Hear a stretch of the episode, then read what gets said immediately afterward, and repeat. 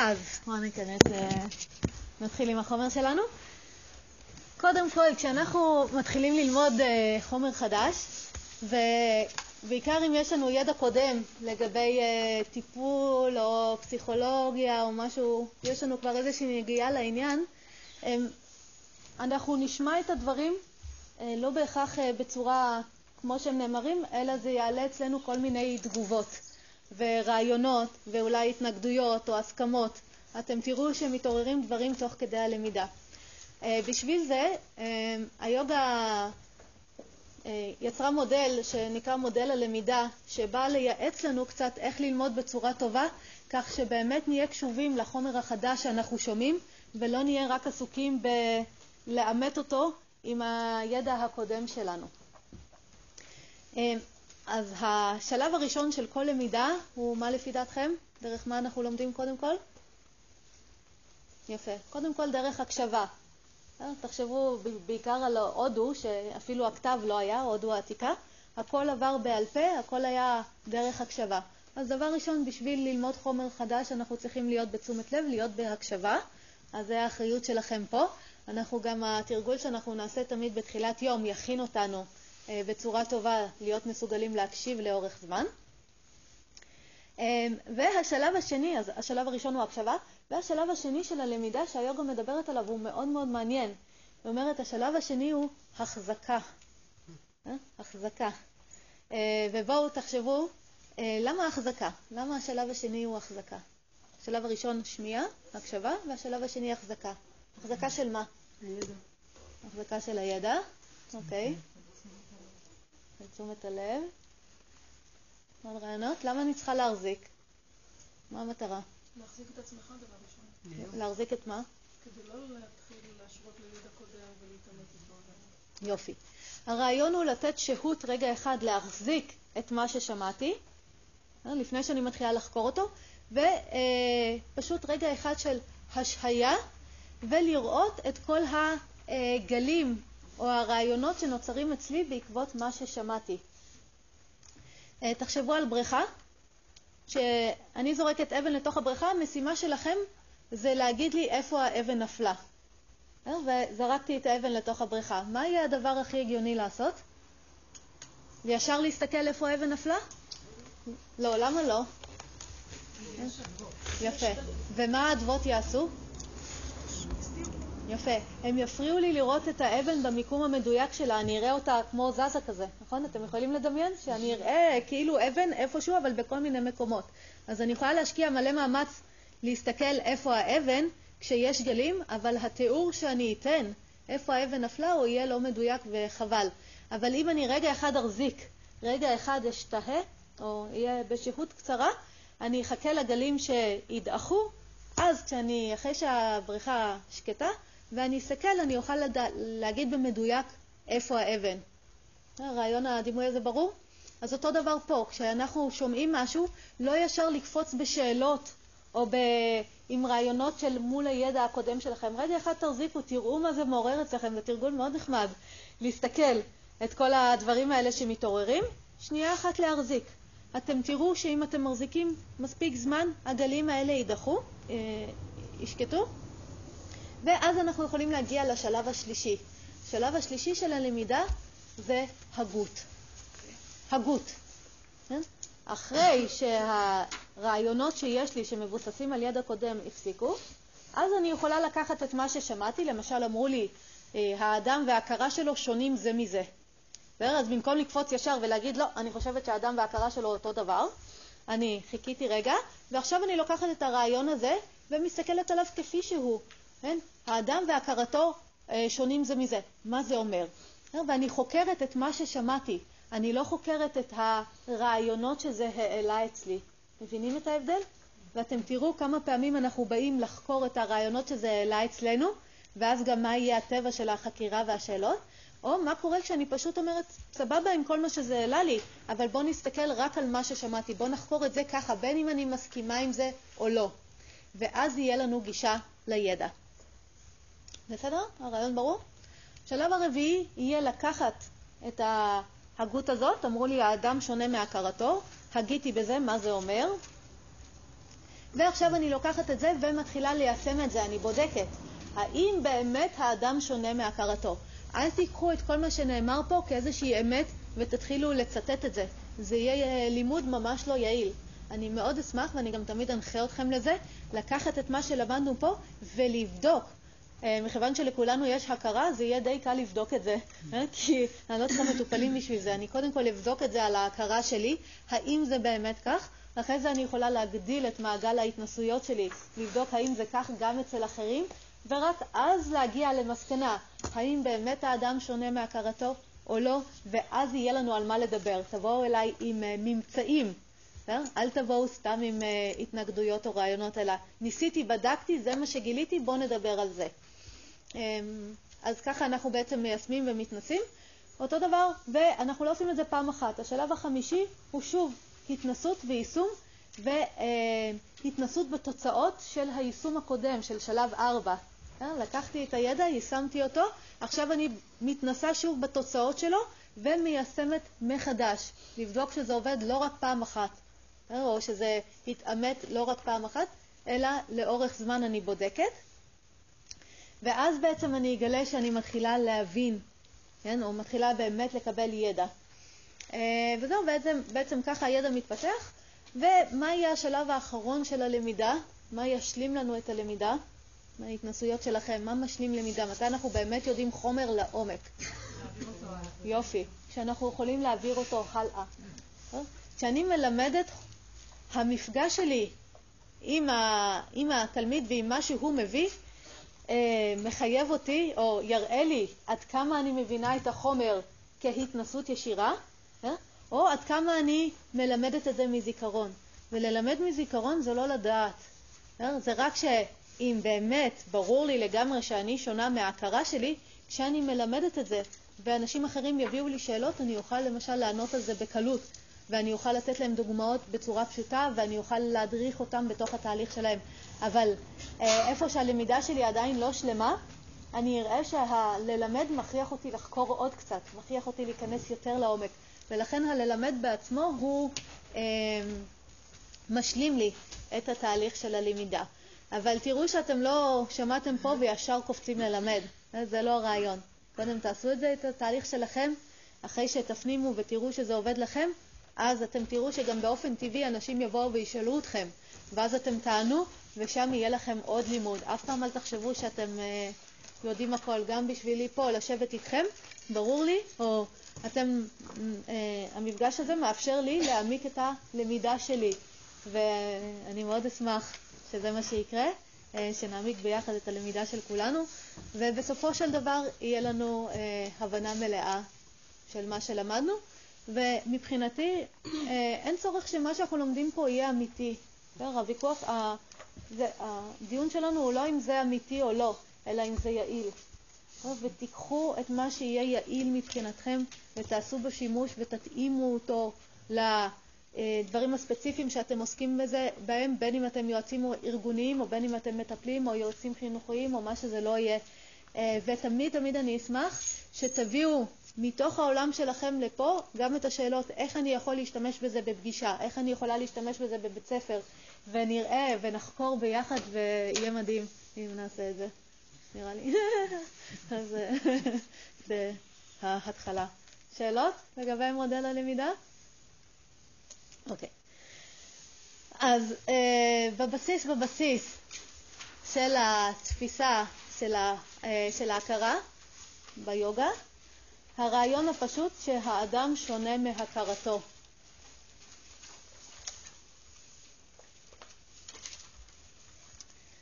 אנחנו, אני חושבת, די התרגלנו לחשוב, או אף פעם לא לימדו אותנו אחרת, שאנחנו וההכרה שלנו זה אותו דבר. אמ, אבל בנקודת המוצא של היוגה זה שהאדם שונה מהכרתו, ולאדם, לדבר הזה שנקרא אדם, יש מאפיינים מאוד מאוד ספציפיים, ולדבר הזה שנקרא הכרה יש מאפיינים מאוד מאוד ספציפיים, והטבע שלהם הוא לחלוטין שונה זה מזה.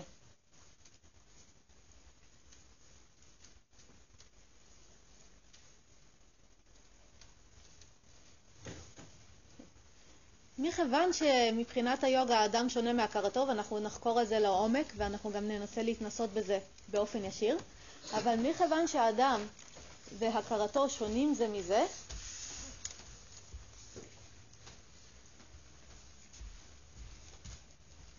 כשאנחנו אה,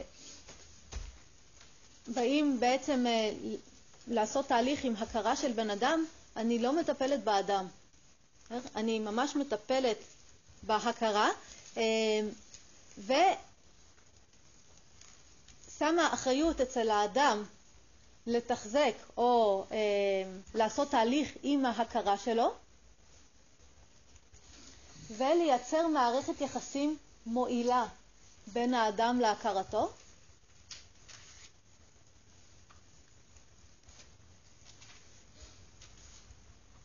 ולעשות שימוש יעיל בהכרה.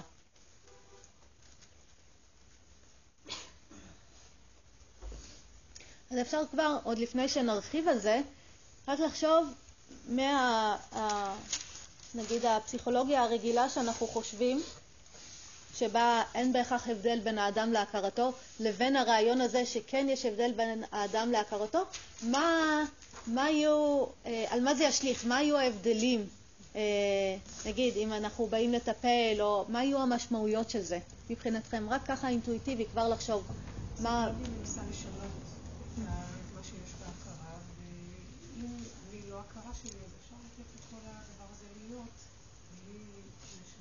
אני אוקיי, יופי. אז אני לא חייבת לשנות שם דברים בשביל, נגיד, לשנות את עצמי? אוקיי, יופי. עוד דברים? מה נראה לכם? זה הבדל גדול בין הידע שיש לנו שאנחנו בהכרה שלנו אותו דבר לבין אם אני שונה מההכרה שלי? אה? זה הבדל די גדול. מה עוד לפי דעתכם יהיה, אה, איך זה יהיה רלוונטי, איך זה ישפיע נגיד על טיפול? זה מעורר תקווה. בעצם אם אני, אם, אם אני זה לא ההכרה שלי וההכרה שלי היא משהו שיכול להשתנות, mm-hmm. אז אם אני עכשיו בסבל וזה יכול להשתנות, זה מעורר תקווה. זאת אומרת, יש בזה משהו אה, אקטיבי, יש בזה משהו פתוח. זה גם אחריות אישית. זה הופך את האדם אחראי על ההכרה שלו. יופי. להתבונן בה, אחראי עליה. יופי. עוד דברים? כן. אה, יש אנשים שמאוד פוחדים לאבד את עצמם. מי, אני אעבור טיפול, אני אעבור שינוי. מי, איפה אני? אני רוצה להבין שאני הוא אני. וכאן זה משחרר לחלוטין את המקום הזה. יופי. עוד דברים? כן. לא בטוח, אבל אה, זה כאילו מאפשר לי לתת לאדם כלים, למטופל, לטפל בעצמו. נכון. כאילו, הוא עכשיו, יש אני ויש את ההכרה, הוא יכול להתבונן בה, ואני יכול לתת לו כמטפל כלים. עוד שזה הכל ביחד, אני מטפל בישות אחת. נכון. כל יש את המטפל ואת המטופל. נכון. אהה, יופי. אה, אז בעצם אנחנו יכולים, יש לי עם מי לדבר, גם אם ההכרה כביכול אה, מקולקלת, נגיד. תחשבו על זה, הרי הרבה פעמים אנחנו באים כאילו לתקן הכרות, אה? אבל יש לי משהו שהוא לא מקולקל, גם אם ההכרה כביכול מקולקלת זו מילה קשה, אבל אנחנו עוד נבין את זה בהמשך. אל תתפסו אותי במילה, בסדר? אבל רק אני מביאה את הרעיון הזה, שגם אם ההכרה שלי לא מתפקדת היטב, אה? מילה יותר טובה, גם אם ההכרה שלי לא מתפקדת היטב, עדיין יש שם משהו שהוא שונה ממנה, בסדר? שלא חייב להיפגע בגלל שהתפקוד של ההכרה נפגע, ואז תמיד יהיה לי דרך אה, לגשת לזה. עוד רעיונות? כן, זה כאילו, אה, אה, אני והמטפל מטפלים יחד בהכרה שלי. אני לא... אני לא הבעיה. בדיוק, יופי. גם הרעיון הזה. אנחנו לא הבעיה, יש שם משהו אחר, חיצוני לי, שהוא כרגע בבעיה, אבל יש לי משהו, אני יכולה לעשות עם זה משהו, יש שם אחריות שלי. ותחשבו, נגיד, אם אני והבקבוק הזה שונים זה מזה, אם ברור לי שאנחנו שונים זה מזה, אני יכולה לשים אותו פה, לשחרר אותו ממני ולהסתכל עליו מכל הכיוונים. אני יכולה לראות בדיוק מה הוא צריך, ממה הוא בנוי. יש לי יכולת לחקור את ההכרה שלי לעומק. אני לא צריכה... אה, אה, אני לא צריכה שיגידו לי מה ההכרה שלי, או אני לא צריכה שמישהו אחר ממני יעשה את התהליך, אלא לי יש את האפשרות לשים אותה כנפרדת ממני ולהתחיל להסתכל עליה מכל הכיוונים, לקבל ידע שלם לגביה ולקחת אחריות על הדבר הזה. אז אנחנו כבר יכולים להרגיש שבעצם כל התהליך, ה... אה, כל התהליכים שאנחנו יכולים לעשות עם ההכרה שלנו, הם כבר יוצאים מנקודת מבט אחרת של, אה, של יש פה איזושהי לקיחה של אחריות ואיזשהו משהו שיהיה מונח מולי שאותו אני אחקור ואיתו אני אעשה תהליך. זה הבסיס בסיס של הרעיון של היוגה. שאלות לגבי זה? כן. חלק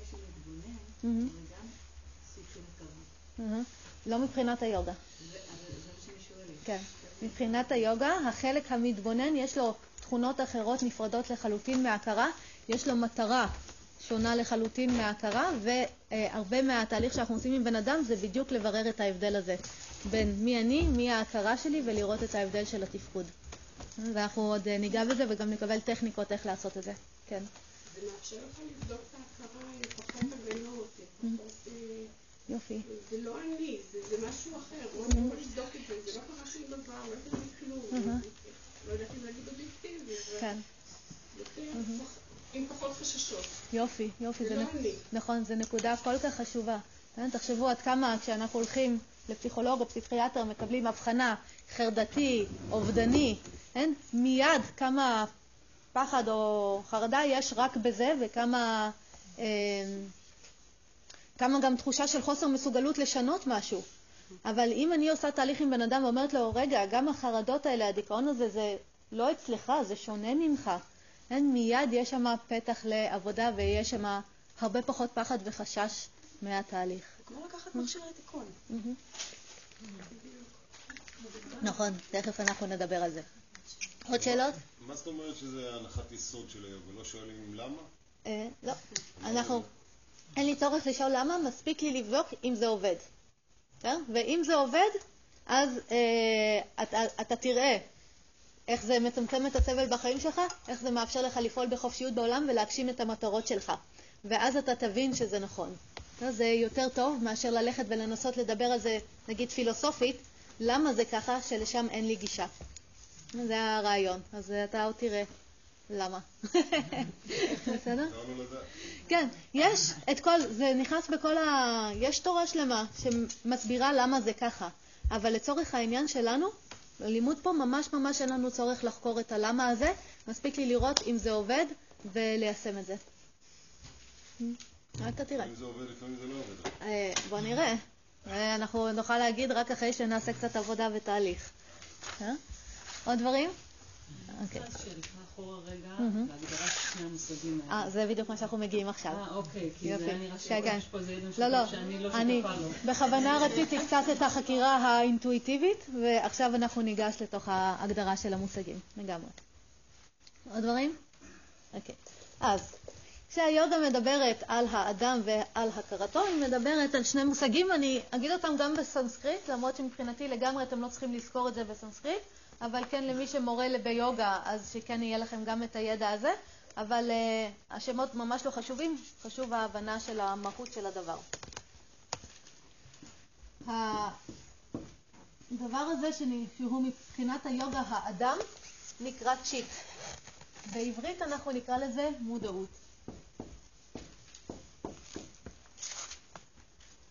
והדבר הזה שנקרא הכרה, שעוד מעט אנחנו צריכים להסביר לעצמנו מה זה הכרה. אה, ביוגה נקרא צ'יטה, ובעברית אנחנו נקרא לזה הכרה. מי שרוצה את המושגים באנגלית, סתם לצורך העניין, כי הרבה פעמים אנחנו פוגשים גם את הספרות הזו באנגלית, אז הכרה תהיה mind, וזה יהיה consciousness, שאין לי מושג איך לאיית את זה, אז אני ארשום את זה ככה. consciousness. מישהו שיודע לאיית את זה. בסדר, גם consciousness. אוקיי. כן. מספיק שאני צריכה להגיד את זה, זה כבר יפה. אוקיי, אז מבחינת היוגה זה האדם, ואנחנו נצטרך לשנות את כל התפיסה שלנו לגבי מה זה אדם. וההכרה זה המכשיר. המכשיר שדרכו האדם חי.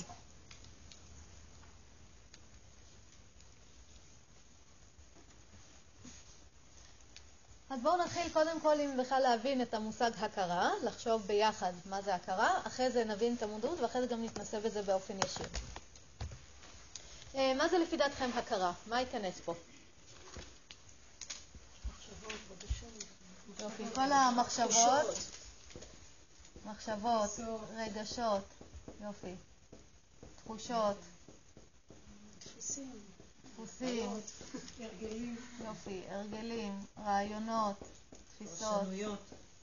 פרשנויות, אוקיי? עוד דברים, רצונות, אם זה, אם זה גם כאילו מכשיר, אז הוא בעצם, הוא עובד, הוא עושה משהו, אז כאילו דרכו אני בעצם מכירה את העולם. יופי. אז זה כל החושים. אז נגיד חושים, נגיד ידע, תפיסה, כן, תפיסות, אבל יכולת, הבחנה, בסדר? היכולת שלי להבחין בעולם. איזה עוד יכולות יש להכרה שלנו? זיכרון, יופי, זיכרון. מה עוד? ניתוח. ניתוח, יופי. קשר, קשר. יופי, הסקת מסקנות, אה, הסקה או הסק. פעולה.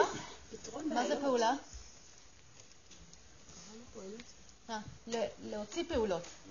כן, היא לא פועלת, כי זו היד שלי. כן, להוציא פעולות, יופי, מעולה, להוציא פעולות, או לתת פקודות. עוד דברים? אולי זה ההתנהגות. הפעולות זה ההתנהגות שלי. כן, אבל הפעולות עצמם זה כבר, נגיד, זה בידיים, זה ברגליים, נכון? אם אני הולכת, זה הר- הרגליים שלי בעצם שפועלות. ההכרה היא תהיה מה? בפנים יותר. אה? אולי אפשר להגיד שזה כאילו משהו פנימי יותר, לא... ההשפעה חיצוני. שיש, מה שמשפיע על ההתנהגות, על מה שאני מוציא לפועל. יופי. אז היא אה, נותנת פקודות, היית אומרת? או מה? ההתניות שלי? הדפוס... התניות, אוקיי. אז יש לנו פה דפוסים, הרגלים, התניות. השוואה. יופי, השוואה. מה עם זהויות? מה דעתכם? נכנס בהכרה? כל האגו שלנו, כל ההזדהויות, זהויות, יכולת זיהוי? אוקיי. אז כל הדבר הזה שחושב, שמנתח, שמסיק מסקנות, שמכיל ידע, זיכרונות, שמוציא פעולות, שמבחין, כל התהליכים המנטליים והרגשיים, כל הדבר הזה שמייצר רגשות ועניינים, כל הדבר הזה אנחנו קוראים לו הכרה. ומתוך מה שרשמנו פה, מה לפי דעתכם התפקיד של ההכרה? לתווך את העולם. אוקיי, לתווך את העולם, למה? למי? לי, אוקיי. שאני אדע איך לפעול, כשאני אשרוד. יופי. עוד דברים? הייתם מסכימים שזה, כל הדברים האלה בעצם מאפשרים לי לחיות? בין אם זה לתפוס את העולם, לעשות לו ניתוח ולהוציא פעולות החוצה? כן, לחיות ולשרוד, כן, לשרוד וגם לחיות וגם להגשים מטרות ועוד הרבה דברים. אנחנו הרי בעולם הזה כבר לא רק שורדים. אז אני יכולה להגיד, ההכרה זה הדבר הזה או המכשיר הזה שמאפשר לי לפעול בעולם, בסדר? להתקיים בעולם, להשיג את המטרות שלי, לראות אותו, לנתח אותו. כל הדבר הזה, הגדול הזה, לזה אנחנו קוראים הכרה. סבבה? וכשאנחנו ניכנס אליה לעומק, וחלק מהלימוד שלנו יהיה לעשות לה ניתוח מאוד מאוד מעמיק, ממש להסתכל עליה איך היא פועלת, כי יש לנו אפשרות כזאת, אמ, אז אנחנו עוד נבין את כל מה שכתבנו פה בצורה מאוד סיסטמטית. אבל כרגע רק להבין את הרעיון שכשאני מדברת על הכרה, אני מדברת על האלמנט הזה שמאפשר לי להתקיים בעולם ולפעול ולהבין אותו ולנתח אותו, לקיים מערכות יחסים וכאלה. בסדר? אז עכשיו תראו כמה זה, במה שאנחנו אומרים, זה כל כך ברור, ועדיין בתפיסה שלנו זה לא כך. אני אומרת, זה הדבר הזה שעוזר לי להתקיים ולפעול בעולם הזה. אז מי זה הלי הזה? אה? במילים שלנו זה ככה, זה עוזר לי. אז מי זה? האם זה הכרה עוזרת לעצמה? כן, ותראו במילים שלנו כמה זה ברור לנו, ובואו נעשה ככה כמה שאלות שתראו איפה זה מתבלבל לנו. אה, נניח שיש לי משקפיים. זהו? מה התפקיד של המשקפיים? יפה, לאפשר לי לראות את העולם. האם זה המשקפיים שלי שרואות? לא. נכון? מאוד מאוד ברור לי.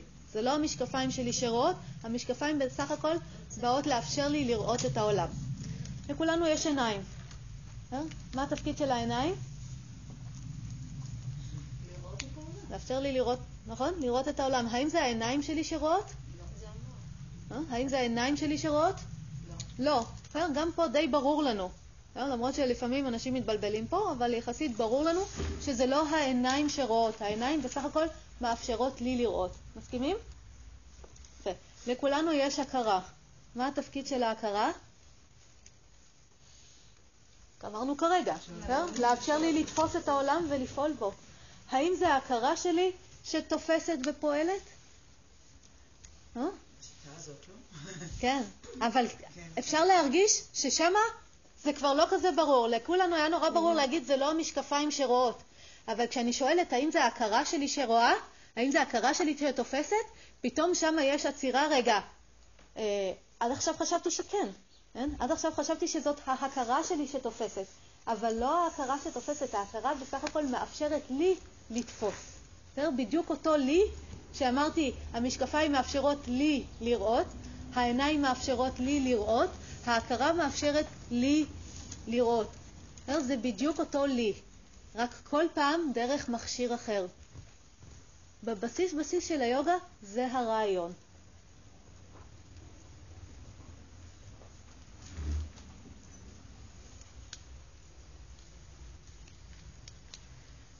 אוקיי?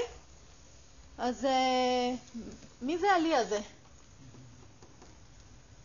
מי שיכול להתבונן על ההכרה. מי שיכול להתבונן על ההכרה? למה? האם את מתבוננת על העיניים שלך? אה?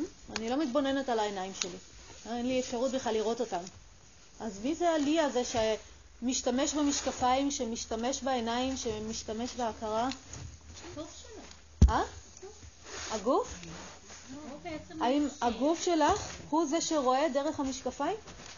לא. אם אנחנו מדברים על זה שהעיניים שלנו קולטות, אז בעצם כל איבר וכל חלק בגוף שלנו נכון.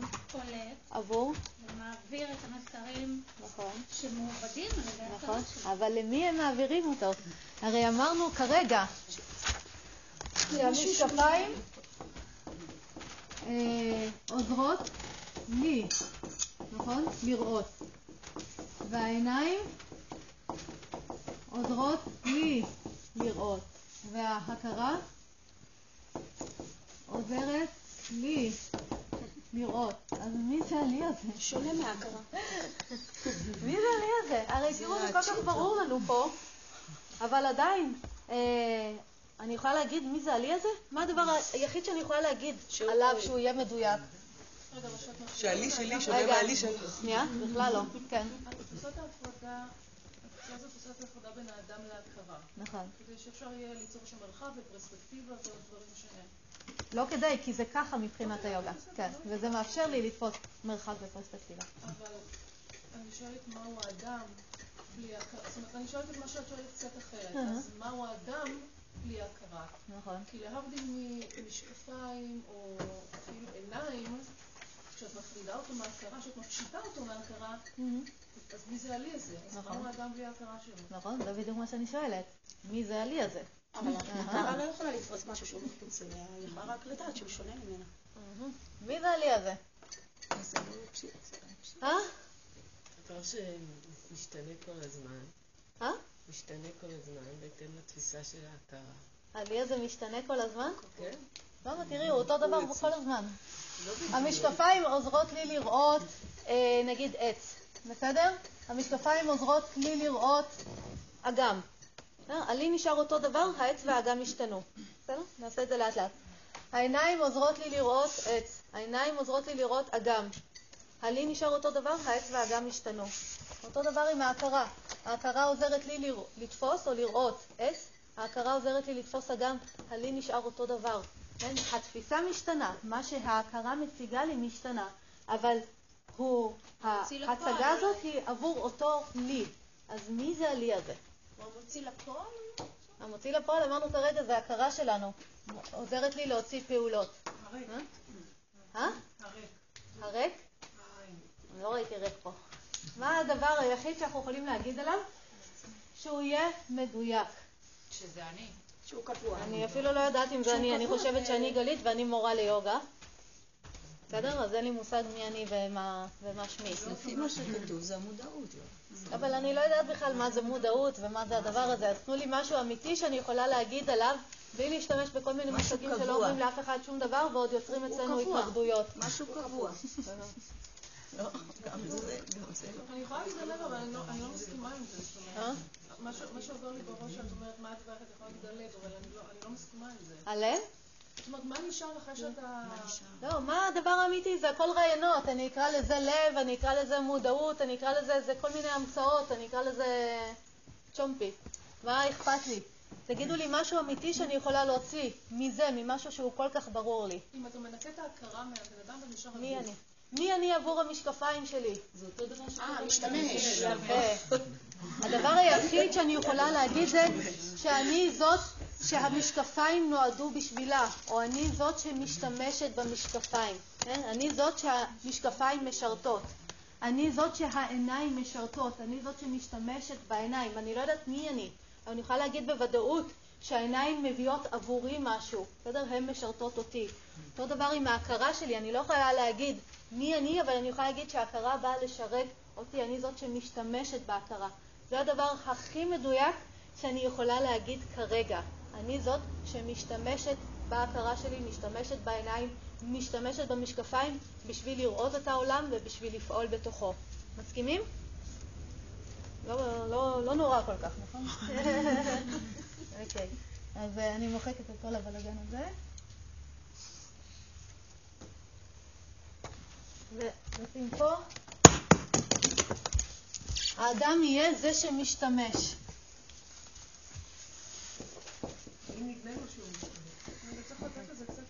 כן,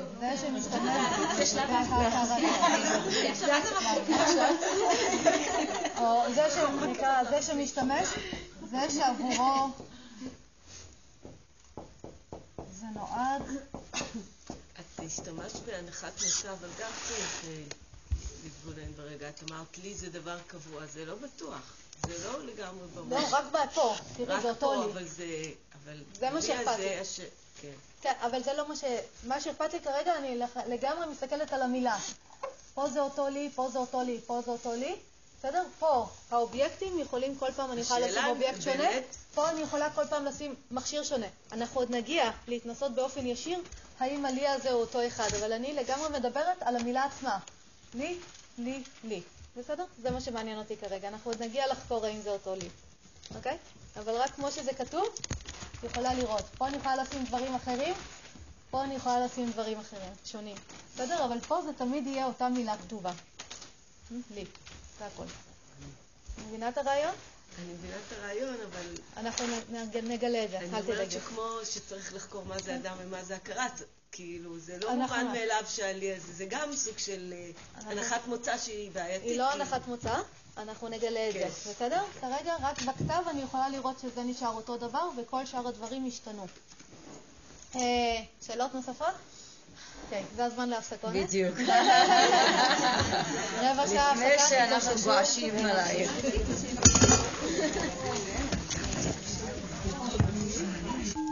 בואו נתחיל עם התנסות אה, קצרה.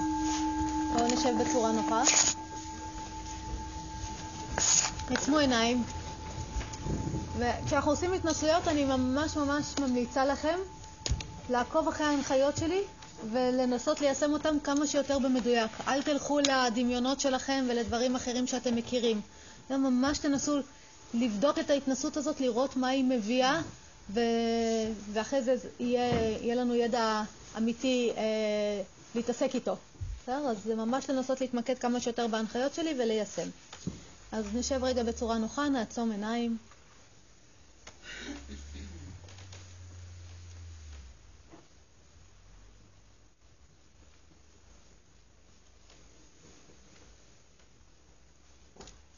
ותראו שברגע זה אתם יכולים להיות מודעים אליי מדברת.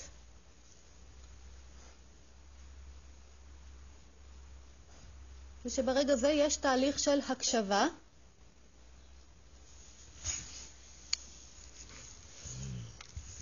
ובשביל שיוכל להיות, תוכל להיות מודעות לדברים שאני מדברת, או שתהיו ערים לדברים שאני מדברת, יש לכם אוזניים. והאוזניים כרגע הם מכשיר בשבילכם לשמוע.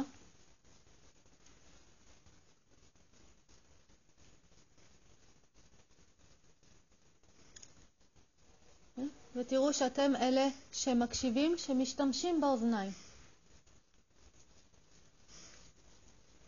עכשיו אני הולכת להשמיע כל מיני צלילים. ואני רוצה שתבדקו דבר מאוד מאוד פשוט. האם כל הצלילים אותו דבר, או האם הם משתנים? האם אתם שמקשיבים לצלילים, האם אתם אותו דבר, או האם אתם משתנים?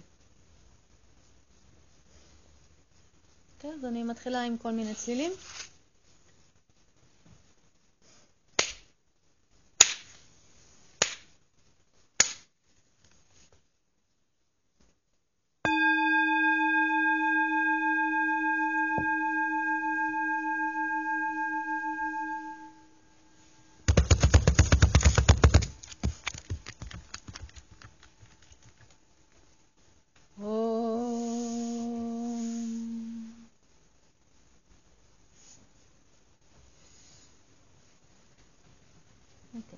אחד שחררו, תיקחו עיניים. אוקיי, מה ראיתם? מה גיליתם? האם הצלילים הם אותו צליל או הם אה, השתנו? השתנו, נכון? זה מאוד ברור שהצליל הזה והצליל הזה זה שני צלילים שונים זה מזה, למרות שכולם צלילים, אבל הם שונים זה מזה. האם אתם שהקשבתם לצלילים, האם אתם אותו דבר או השתנתם? Hmm? אה? אותו אחד, נכון?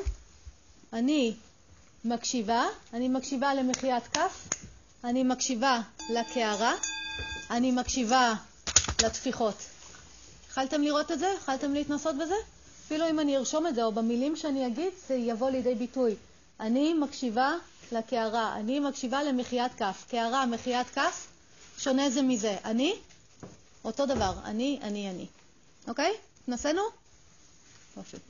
אה, בואו נמשיך, ניקח את זה לרובד קצת יותר עמוק. אה, בואו שוב נשב בצורה נוחה.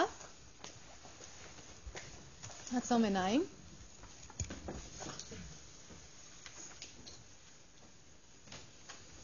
כן, אז בואו נעבוד עם התחושות של הגוף. אה, שוב תראו שאתם יכולים להיות ערים.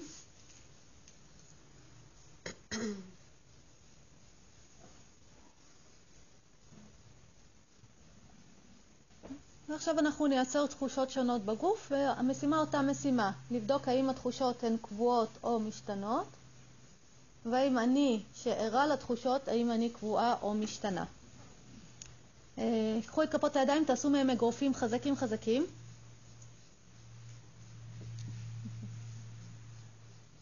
תראו שאתם יכולים להיות ערים לתחושה שנוצרת.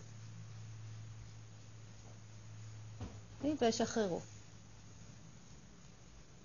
עכשיו הדקו את הלסתות זו לזו חזק חזק. שימו לב לתחושה שנוצרת, תבדקו מה השתנה, מה קבוע.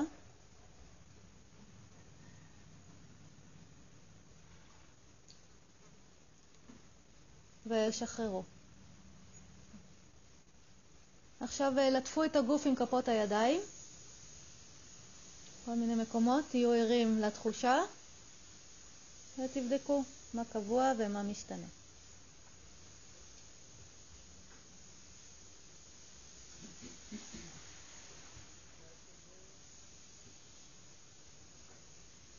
ושחררו. קחו נשימה עמוקה, פיקחו עיניים. אה, האם התחושות היו שונות זו מזו? כן, ממש אפשר לראות את התחושה הזאת והתחושה הזאת והתחושה הזאת לגמרי שונות זו מזו. אה, אני שערה לתחושות או מרגישה את התחושות? מה המסקנה שם? אותו דבר, נכון? אני הרגשתי את זה ואני הרגשתי את זה. זו אותה אני שהיא הרגישה. מסכימים? טוב מאוד, קלה קלות. אה, אוקיי, בואו נמשיך. אה, ניקח את זה לרובד קצת יותר עמוק. שוב עצמו עיניים.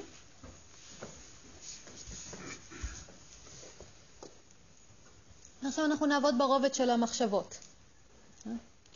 אז בואו תייצרו את המחשבה, אני הבן אדם הכי מדהים בעולם.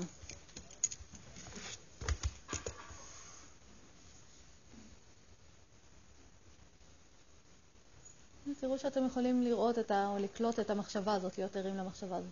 ועכשיו תחשבו, אני הבן אדם הכי חרא בעולם הזה.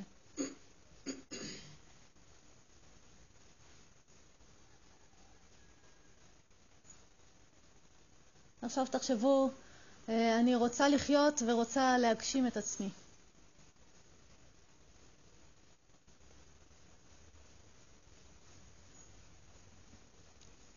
עכשיו תחשבו, אה, בא לי לדפוק לעצמי כדור בראש.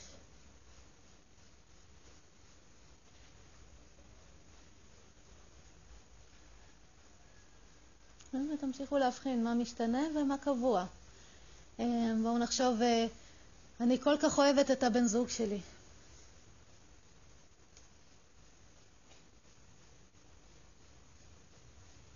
אני לא יכולה לסבול את הבן זוג שלי יותר.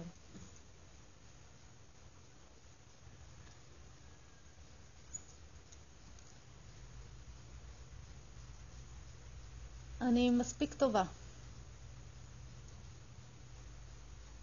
אני לא מספיק טובה. וקחו רגע ליצור את המחשבות של עצמכם. כן? תיקחו בעיקר מחשבות שאתם רגילים לחשוב גם ככה.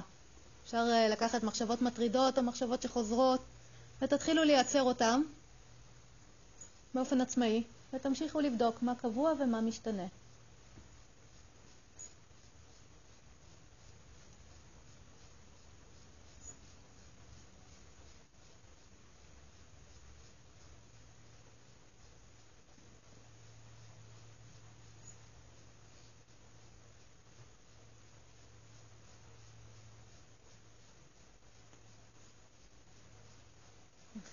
ואז שחררו, קחו נשימה עמוקה, ותרגישו מוכנים, פיקחו עיניים.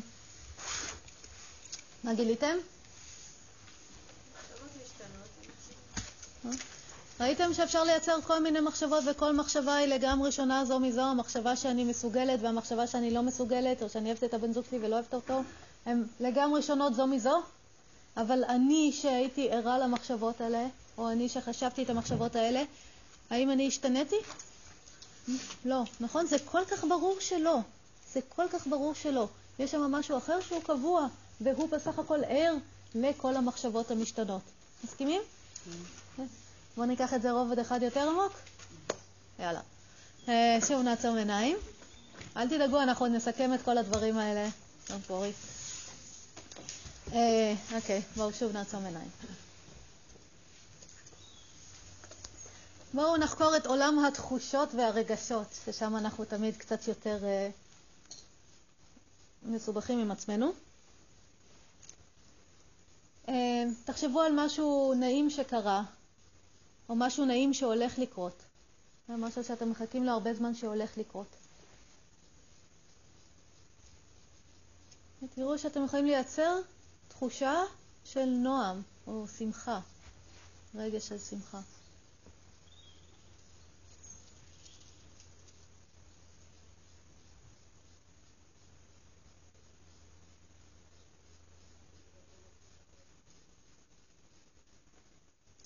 ועכשיו אה, בואו נייצר כעס. אז אה, מי שיכול לייצר ככה כעס, או לחשוב על משהו שמעצבן אתכם, או מישהו שמעצבן אתכם, או לדמיין סיטואציה של אה, למצוא את הבן זוג שלי במיטה עם מישהי אחרת. כל דבר שיגרום לכם לכעוס, ותראו. מה משתנה ומה קבוע.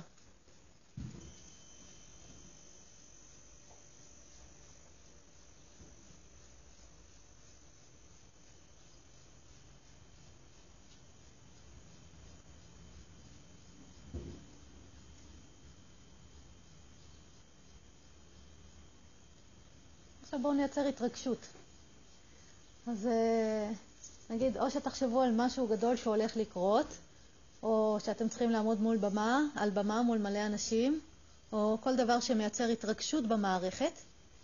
אה, תראו כמה התחושה הזאת היא ברורה ושונה מהאחרות, הרגש הזה, ותבדקו מה אתם.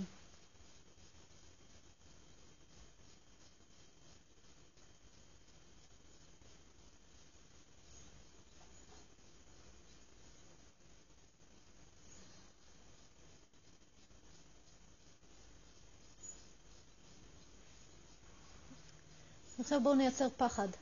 אז תחשבו על דברים שמפחידים אתכם, אם זה לטוס, או שהולך להיות לכם סרטן, או שאחד הילדים שלכם הולך למות, לא, לא משנה מה, משהו שייצור פחד, כן, זה קורה. ותראו מה התחושה ומה אתם.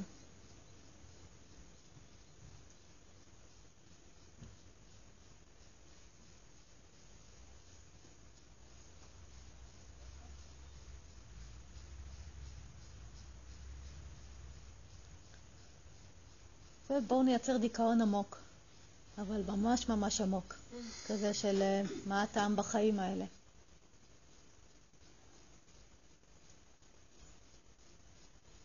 אין תכלית, הכל חרא. ותבדקו מה זה ומה אתם.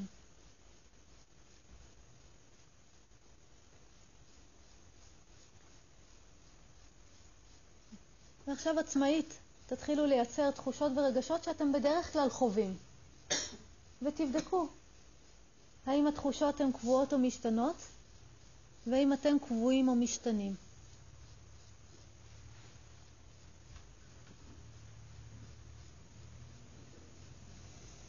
ותביאו בכוונה תחושות שאתם בדרך כלל פוגשים ביומיום ועושים לכם את החיים קצת קשים.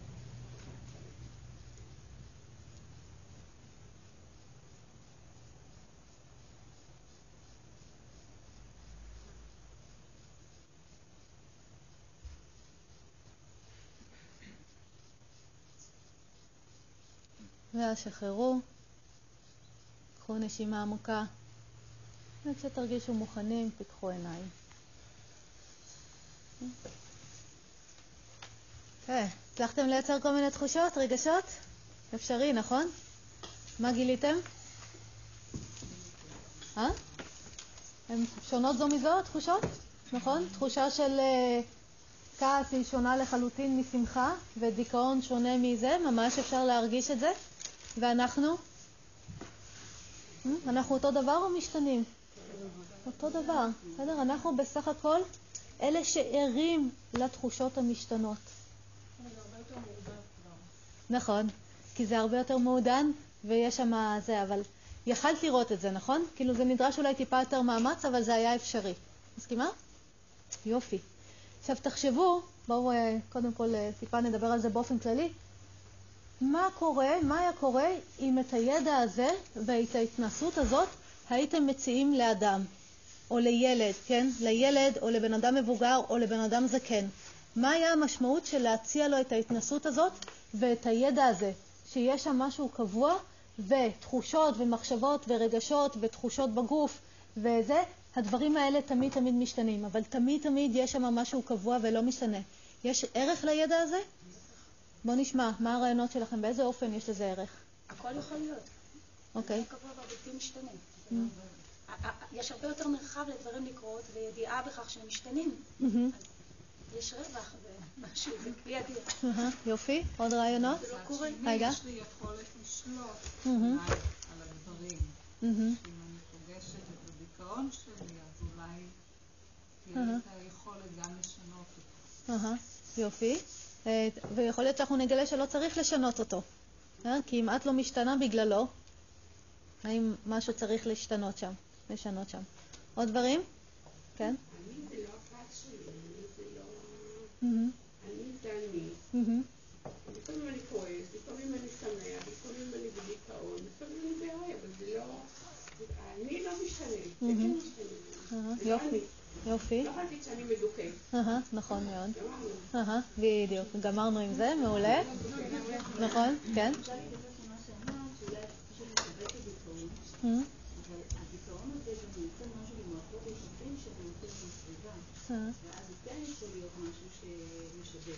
אנחנו עוד נגיע לחקור לעומק מתי זה משבש ומתי זה יכול להתקיים בלי לשבש לנו כלום. אנחנו עוד נגיע, נחקור את זה ממש ממש לעומק. כן. שיש את ההפרדה שהתחושות הן בעצם זמניות. בעוד שכשבדרך כלל שאין את ההפרדה, זה המציאות. אני בדיכאון זהו, אין... זאת אומרת שיש משהו קבוע, ואת מבינה כמו ברכבת כזאת. את אומרת, הכל חולה, אז ההתייחסות היא אחרת. יופי. טוב מאוד. עוד דברים? כן. רציתי להגיד גם את זה, ופשוט כאילו לא, אין סיבה להיתקע על דברים, זה יכול לעזור לנו מטופלים, להביא להם לתת לדבר לקרות, גם לדיכאון וגם לשמחה, פשוט לתת לו לקרות, וזה יחלוף ויעבור. יופי, טוב מאוד. עוד רעיונות? אוקיי, אז כבר אנחנו, כן. יש לי שאלה. מישהו שבדיכאון, הוא לא יכול לשמוע את הדברים.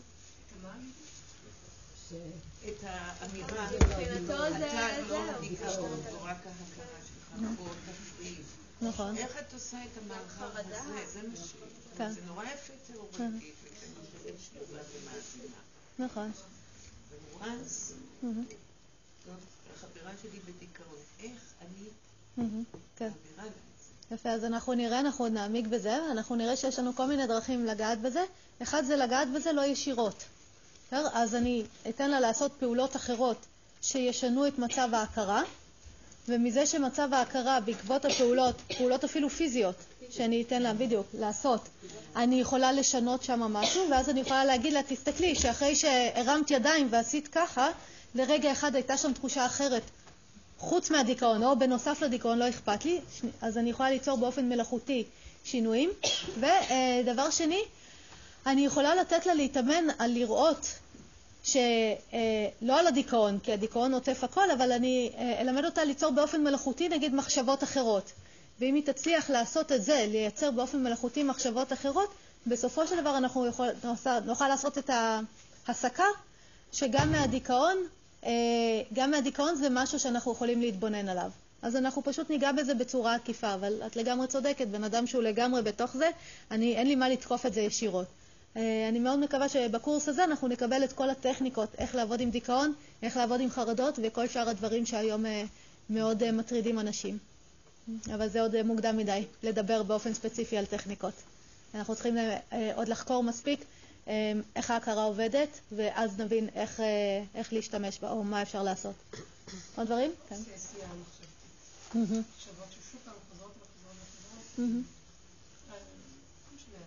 אז מה? מה את מנסה להגיד? איך זה שאתה רואה את זה מהצד, עדיין זה פועל עליך בצורה כללית? אם את יודעת שאת קבועה ובלתי משתנה, וגם אם יש משהו שחוזר כל הזמן ומשתנה, זה לא ישנה לך משהו בהתייחסות לזה? נגיד אם אני עכשיו במדבר, וזה מדבר של לא יודעת מה, אלפיים קילומטר. אז אני יודעת שלאורך כל הדרך הזאת הדבר היחיד שאני אראה זה מדבר. אבל אני יודעת שאני אה, שונה מהמדבר הזה.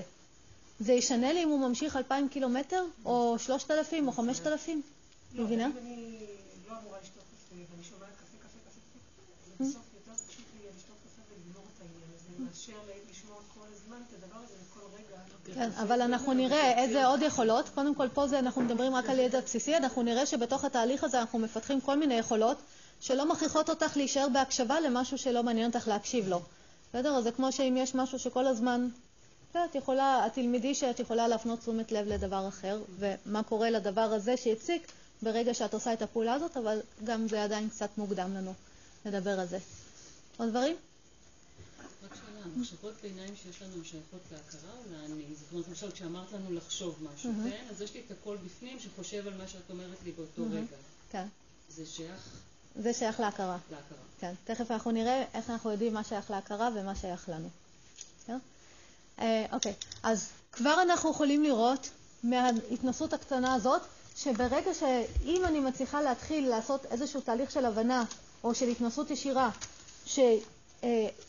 שכמודעת לדברים אני תמיד אותה אחת שמודעת, אבל אה, מחשבות ותחושות ורגשות ותחושות בגוף וצלילים וזה, הטבע שלהם כל הזמן להשתנות, אה, הטבע שלהם יהיה כל הזמן להשתנות, כבר נוצרת איזושהי אה, הפרדה, ואז כמו שנאמר פה, אני לא אהיה חייבת, או אני אוכל לתת לזה להמשיך להתרחש. אבל החלק המהותי ביותר יהיה שמעצם העובדה שאני יכולה לתת לדברים האלה להשתנות ולחלוף, הפעולה שלי לא תהיה חייבת להתבסס עליהם. תחשבו מה זה אם יש לי חרדה עכשיו, אבל אם אני מבינה שהיא שונה ממני, אני יכולה לפעול, לפעול בשונה מהחרדה. האם זה ישנה משהו? בטח. בדיוק. ואם יש לי דיכאון, ואני יכולה להיות, לחוות דיכאון, אבל יש לי את האפשרות לפעול בשונה מהדיכאון, האם זה ישנה משהו? זה הרעיון שלנו. תחשבו, אפילו דברים יותר פשוטים, שאני נורא נורא כועסת. כמה פעמים בדרך כלל הכעס יכתיב לי את הפעולה שלי. אבל מה קורה אם אני אלמד בן אדם שהוא יכול לכעוס, הוא לא צריך לדכא את הכעס, הוא לא צריך להיות בשלום עם העולם, אבל הפעולות שלו יכולות להיות בשונה מזה. למה הפעולות יוכלו להיות בשונה מזה אם אני מבינה שאני והמחשבות והתחושות שלי שונות זו מזו? תחשבו טוב.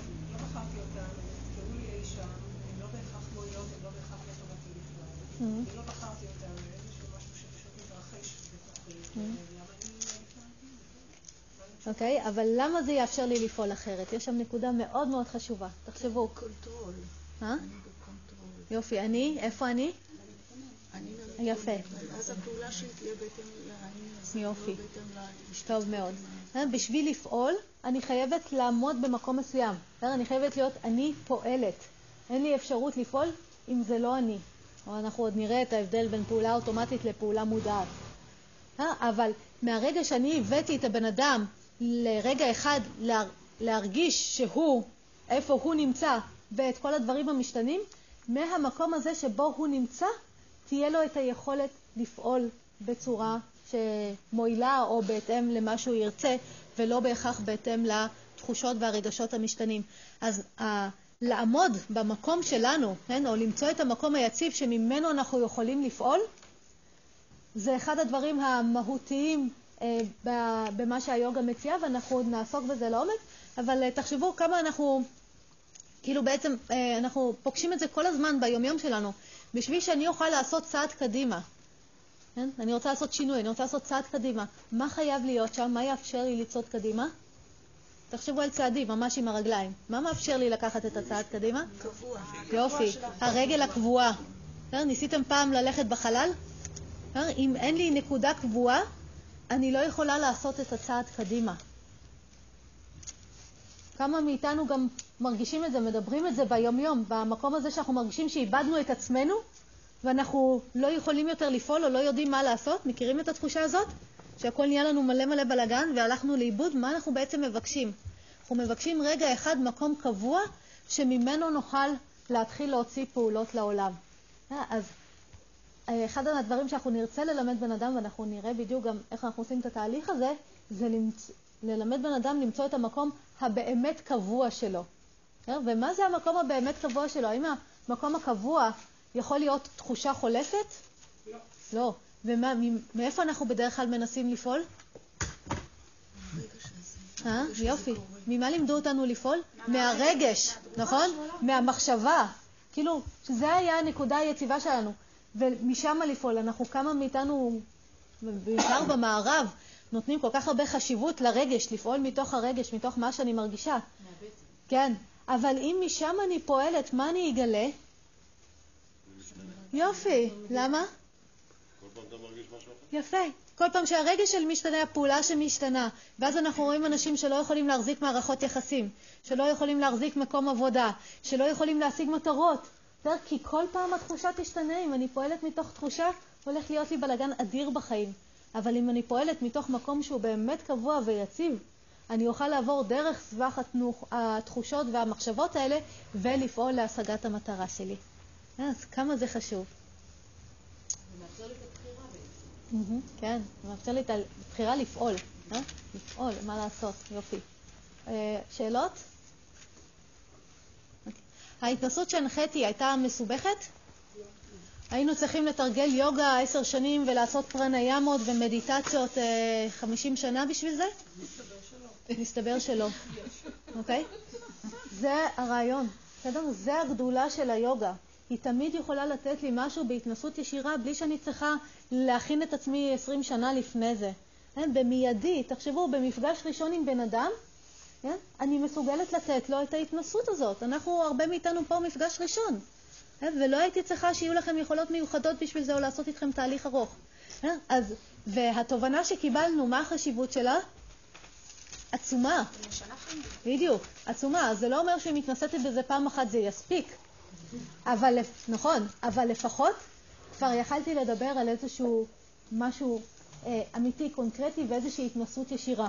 זה שכבר, אפילו אם זה מפגש ראשון, שולחת עם, את הבן אדם עם איזשהו משהו שוואלה, יש פה מה לבדוק. אוקיי? שאלות? אז בשביל שזה לא יישאר משהו שאנחנו רק מדברים עליו תיאורטית, תרשמו לכם שיעורי בית. אני מדי פעם אתן כאלה ואני ממליצה לכם לסמן אותם באיזה מסגרת או באיזה כוכבית, שתוכלו במשך, אנחנו נפגשים פעם בשלושה שבועות או חודש, שלא ילך לכם לאיבוד ותוכלו להתאמן על זה. אז קודם כל לשבת עם עצמכם ולעשות את התרגיל הזה, להנחות את עצמכם בתרגול הזה, ליצור תחושות בגוף, ליצור צלילים, ליצור מחשבות, רגשות, ולראות, לבדוק מחדש, האם זה באמת כך, אל תאמינו לי שזה כך, האם זה באמת כך, שוב ושוב.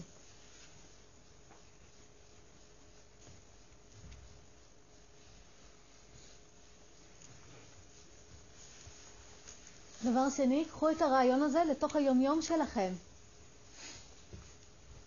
ותבדקו, מדי פעם תעשו כזה סטופ, מה אני מרגישה עכשיו? אה, זה בעיקר קל לעשות את זה על תחושות ורגשות חזקים, פתאום שמחה גדולה או עצב גדול, אבל אפשר גם סתם, סתם אה, שרירותית כזה להגיד, אוקיי, רגע, סטופ, בוא נראה מה אני מרגישה.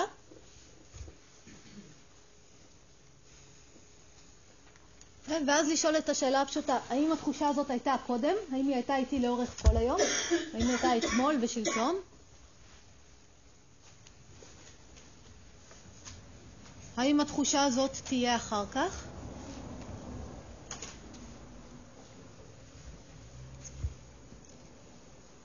והאם אני הייתי קודם, לפני התחושה הזאת, והאם אני אהיה אחר כך?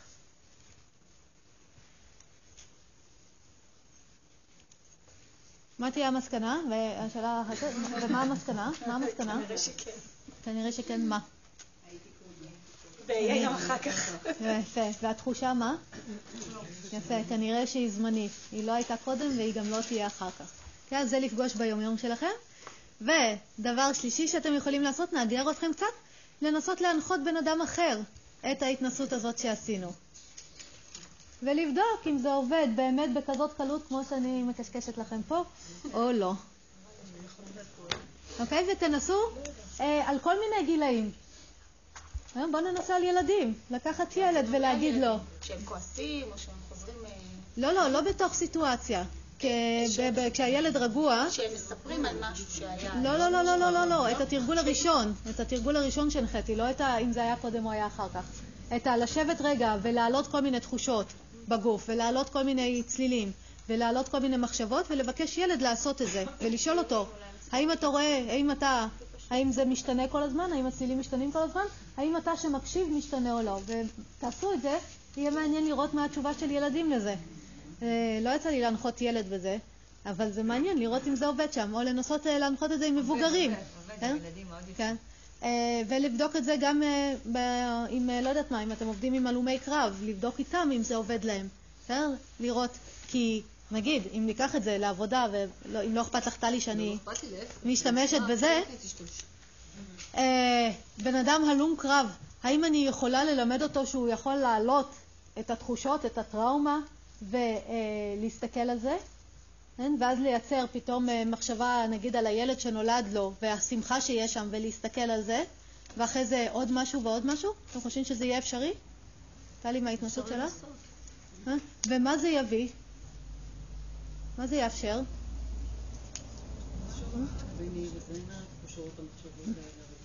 יפה, לראות שגם התחושות שעולות. מתוך הטראומה, גם הם משהו שאני יכולה להסתכל עליהם, וגם הם יש להם התחלה וסוף. הן עולות בסיטואציות מסוימות, אבל הן לא נמצאות שם כל הזמן. לפעמים יש שם שמחה, לפעמים שם יש משהו אחר. וכבר להתחיל לתת להם את המקום הזה, בסדר? את המרווח הקטן הזה, ולמצוא את עצמם. שבסופו של דבר זה מה שאני צריך כשאני ארצה לעשות תהליך עם בן אדם. אז תיקחו את זה למקומות שלכם, וממש תרשמו את ההתנסויות שעשיתם, שנוכל לדבר על זה פה במפגש הבא שלנו, ולראות אם זה יעיל או לא יעיל, ואיפה צריך לעשות מודיפיקציות או התאמות שונות. אפשר להגיד כן? אני, אני מוצאת, אני חייבת להגיד, mm-hmm. שכשיושבים אה, בזמן מאוד קצר, מבקשים ממני ללחוץ על טריגר של רגשות שונות, זה לא, שום דבר לא, לא עולה. אני יכולה להבין את זה מהשכל, אבל לחוות את זה, זה, זה fast forward מדי בשבילי, וזה גם יותר קל לי, כשאת דיברת, מה שעלה לי, איזו מחשבה, איזו חוויה באמת, באמת יותר אה, קשה שהייתה לי, כאילו איזה משהו שעלה, שהציק לי, ואני זוכרת את החוויה הזאת, ואני גם זוכרת שאמרתי לעצמי בתוך החוויה, זה ייגמר, זה לא יישאר לתמיד, זה ייגמר, בסוף יהיה בסדר, את תרגישי אחרת. עכשיו את מרגישה ככה וזה ישתנה. ולמרות שאני כל פעם אומרת את זה מחדש, עדיין זה מטלטל הרגשות המאוזנים. זה תמיד. למרות שזה, אין ספק שזה, שזה עוזר מאוד. זה, לזה יכולתי להתחבר, כי את אומרת דווקא לא לחשוב על סיטואציה שהייתה. שם זה היה אותנטי, אבל לשבת כן ככה לחשוב על דיכאון או על התרגשות, לא, לא, אין לי שום בעיה. אני בהחלט נעזרת בלדמיין, להיזכר בסיטואציות שהיו בשביל להעלות רגשות, או לדמיין סיטואציות עתידיות בשביל להעלות רגשות, בהחלט כן. כן, זה צריך, בחוויה ש... טוב, זה צריך להיות אותנטי, כאילו צריך לחפש דרך לעשות את זה, שזה באמת ידבר. כי ככה לשבת ולהגיד, תעשו סרט נע של מחשבות, זה צריך לחשוב איך, זה גם סוג של איך... אה, כן, אבל האם את יכולה לייצר עכשיו את המחשבה, אה, בא לי ארטיק? את יכולה לייצר אותה? כן. בא לי ארטיק, אוקיי? מישהו פה לא הצליח לייצר את המחשבה הזאת? לא, בא לי ארטיק, לא בא לי כל כך ארטיק, אבל כן, לא, את המחשבה, את המילים. לא, אני לא צריכה שזה יהיה לך באמת בא. אבל זה לא בא לי, כן. לא, אבל זה בדיוק העניין. המטרה שלי פה היא לא להיות עם מה שיש. היא כן. בכוונה לייצר באופן מלאכותי, אבל תראי, החקירה שלנו לא נגמרת שם. זה רק לצורך העניין בדיקה מלאכותית של הדברים. ובתוך הבדיקה המלאכותית הזאת אני כן יכולה לייצר מחשבות, בא לי ארטיק, לא בא לי אפרסמון, אני יכולה לייצר את זה כמחשבה, ואם אני חושבת למשל על הריב שהיה לי עם הבן זוג אתמול, תוך שנייה אני אראה שרק הזיכרון הזה מייצר אצלי את התחושה הזאת, נכון? או אם אני מדמיינת את הבן זוג שלי במיטה עם מישהי אחרת, מיד אני יכולה לראות את הדבר הזה קורה. אז אין לי בעיה, אני מייצרת את זה באופן מלאכותי, רק בשביל שאני אוכל להתבונן על זה כרגע בצורה סטרילית ולא אמיתית.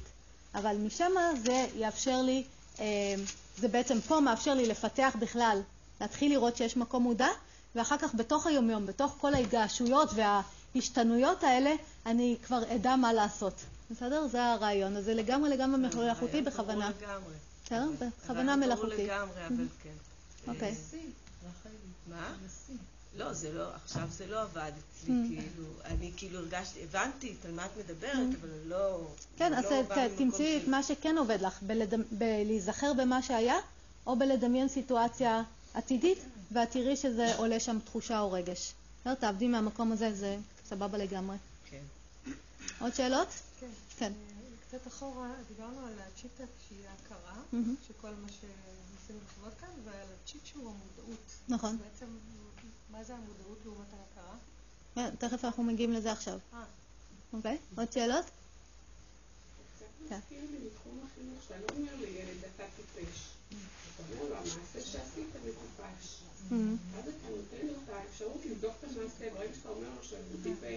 נכון.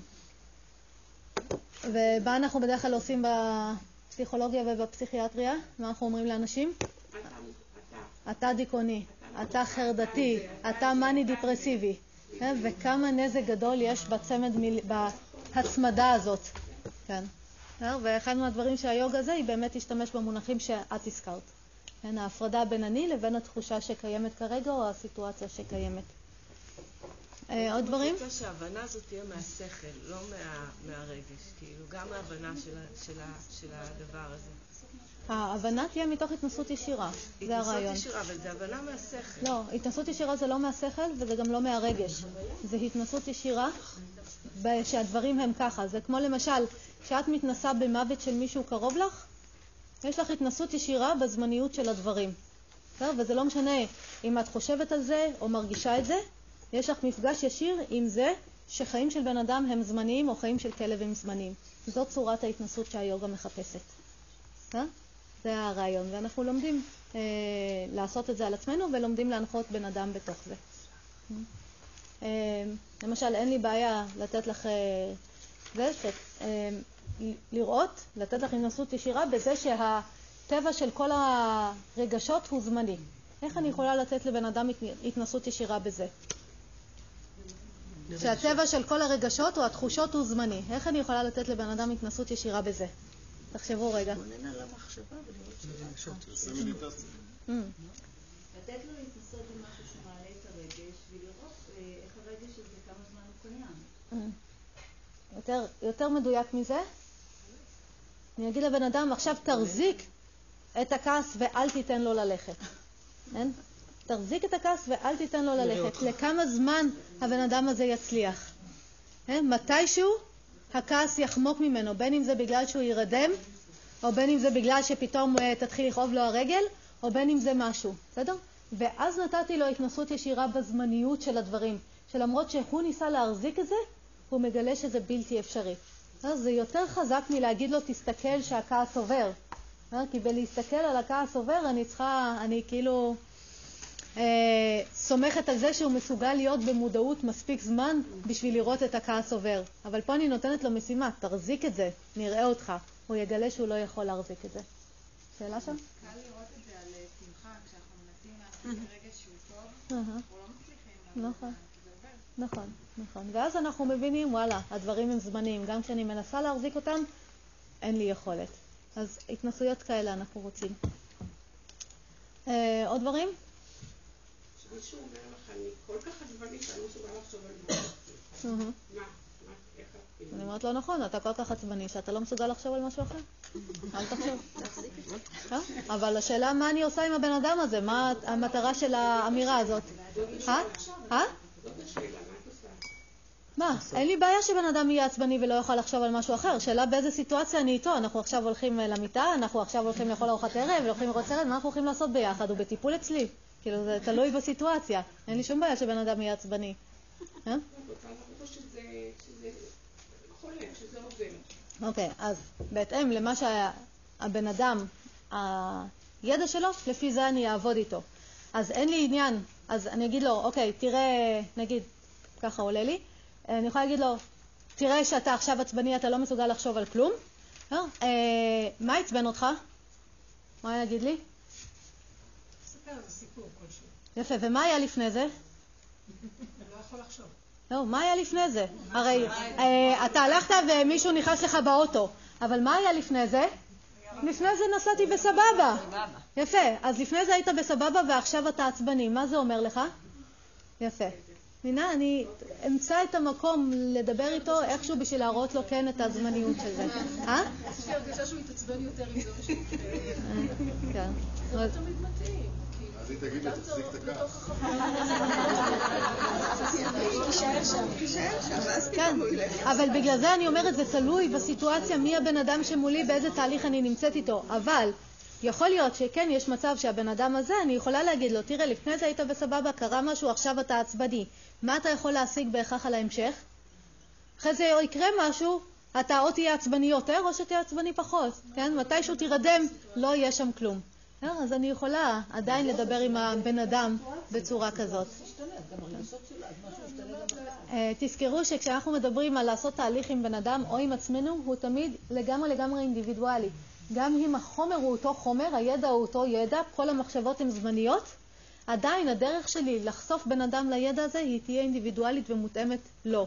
אז פה אנחנו ננסה קודם כל להבין את הידע הזה, להתנסות בזה בצורה ישירה אצלנו, ואחרי זה כשבן אדם יהיה מולי, אם יש לי את היכולת לראות אותו במדויק ויש לי הבנה מלאה של שזה באמת הדברים הם כך, אני אמצא את הדרך אה, שזה ידבר את השפה שלו ולעשות איתו את התהליך. אני, אין פרוטוקול טיפול מסודר שאם ככה אז ככה ואם ככה אז ככה. אה, יש מה אני עשיתי עם זה, מה אני יודעת וכמה יכולת יש לי לראות מה הבן אדם צריך, ואני עובדת עם זה. עוד דברים? כן. נניח שבן אדם סובל מגמר הטיסה מחרדת טיסה. אז באמת אה, לאורך תהליך הוא מתאפשר לו לראות שהחרדה היא חולפת והיא לא קיימת כשהיא לא בטיסה, אבל אופרטיבית איך גורמים לו להיות במצב שהוא עולה על מטוס והוא מבין שזה משהו... אני אלמד אותו שהוא יכול לפעול מהמקום של האני והוא לא חייב לפעול מהמקום של החרדה, הוא יגלה שהוא יכול לעלות על מטוס יחד עם חרדה. אבל זה אנחנו נגיע לזה בהמשך. אוקיי, בואו נתקדם. אז אם נחזור פה לענייננו, אנחנו יכולים כבר מההתנסות שראינו, ואנחנו נחקור את זה לעומק ממי שעדיין יש לו הסתייגויות, שמה שמשותף לכל מה שהיה בהכרה שלנו, מחשבות, תחושות, רגשות, צלילים, עניינים, היה שזה, כל הדברים האלה הם זמניים. יופי. ומה שהיה משותף לדבר הזה, לאני שהתבוננתי על מחשבות, צלילים וזה, וכל ההתנסות הזאת, היה פה משהו קבוע.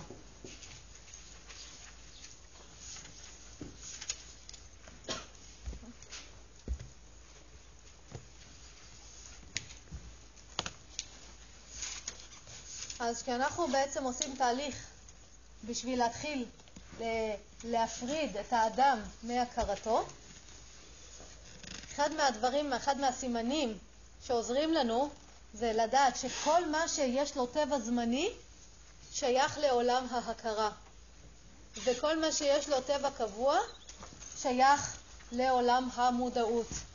כמה דברים יש להם טבע קבוע? רק אני. בסדר? כמה דברים יש להם טבע זמני? די הרבה. תראו, הגוף שלי קבוע או זמני? זמני.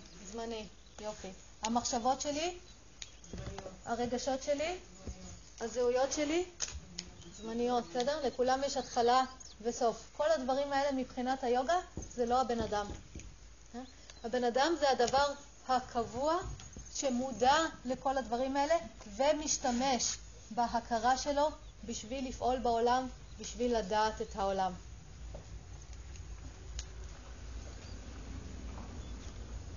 עכשיו, מבחינת היוגה,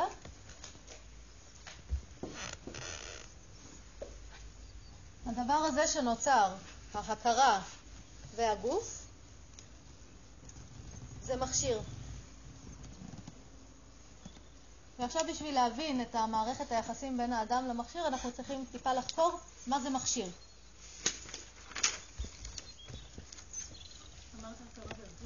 כן, ההכרה והגוף, כי ההכרה היא, את לא רואה הכרות מרחפות ככה סתם. הן תמיד נמצאות בתוך איזשהו חומר.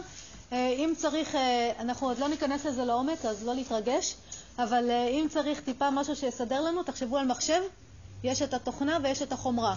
אז התוכנה היא שונה מהחומרה, אבל תוכנות לא מסתובבות בעולם וצפות. בסדר? הן תמיד חייבות להיות בתוך חומר מסוים. אבל התוכנה בעצמה היא שונה מהחומר שבתוכו היא נמצאת. אז אותו רעיון, הכרה וגוף. ההכרה זה התוכנה, והגוף זה החומרה, ואני לא יכולה לראות הכרות צפות סתם, הכרה תמיד תהיה בתוך גוף, אבל הכרה שונה מהגוף. הרעיון ברור? בואו לא נחקור את זה עוד, אנחנו נגיע לזה, כאילו, אז אה, לא להתרגש אם צריך. או אם עולה. אז אה, מה זה מכשיר? מה יש לכם להגיד על מכשירים? מה אתם יודעים על מכשירים? אמצעי ל? יופי. אה, ברשותכם רגע אולי נכתוב את זה, שיהיה לנו נחמד.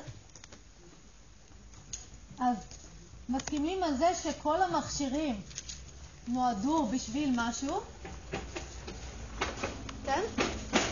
או האם זה מקובל מבחינתכם שאני אגיד שלכל המכשירים יש אה, תכלית?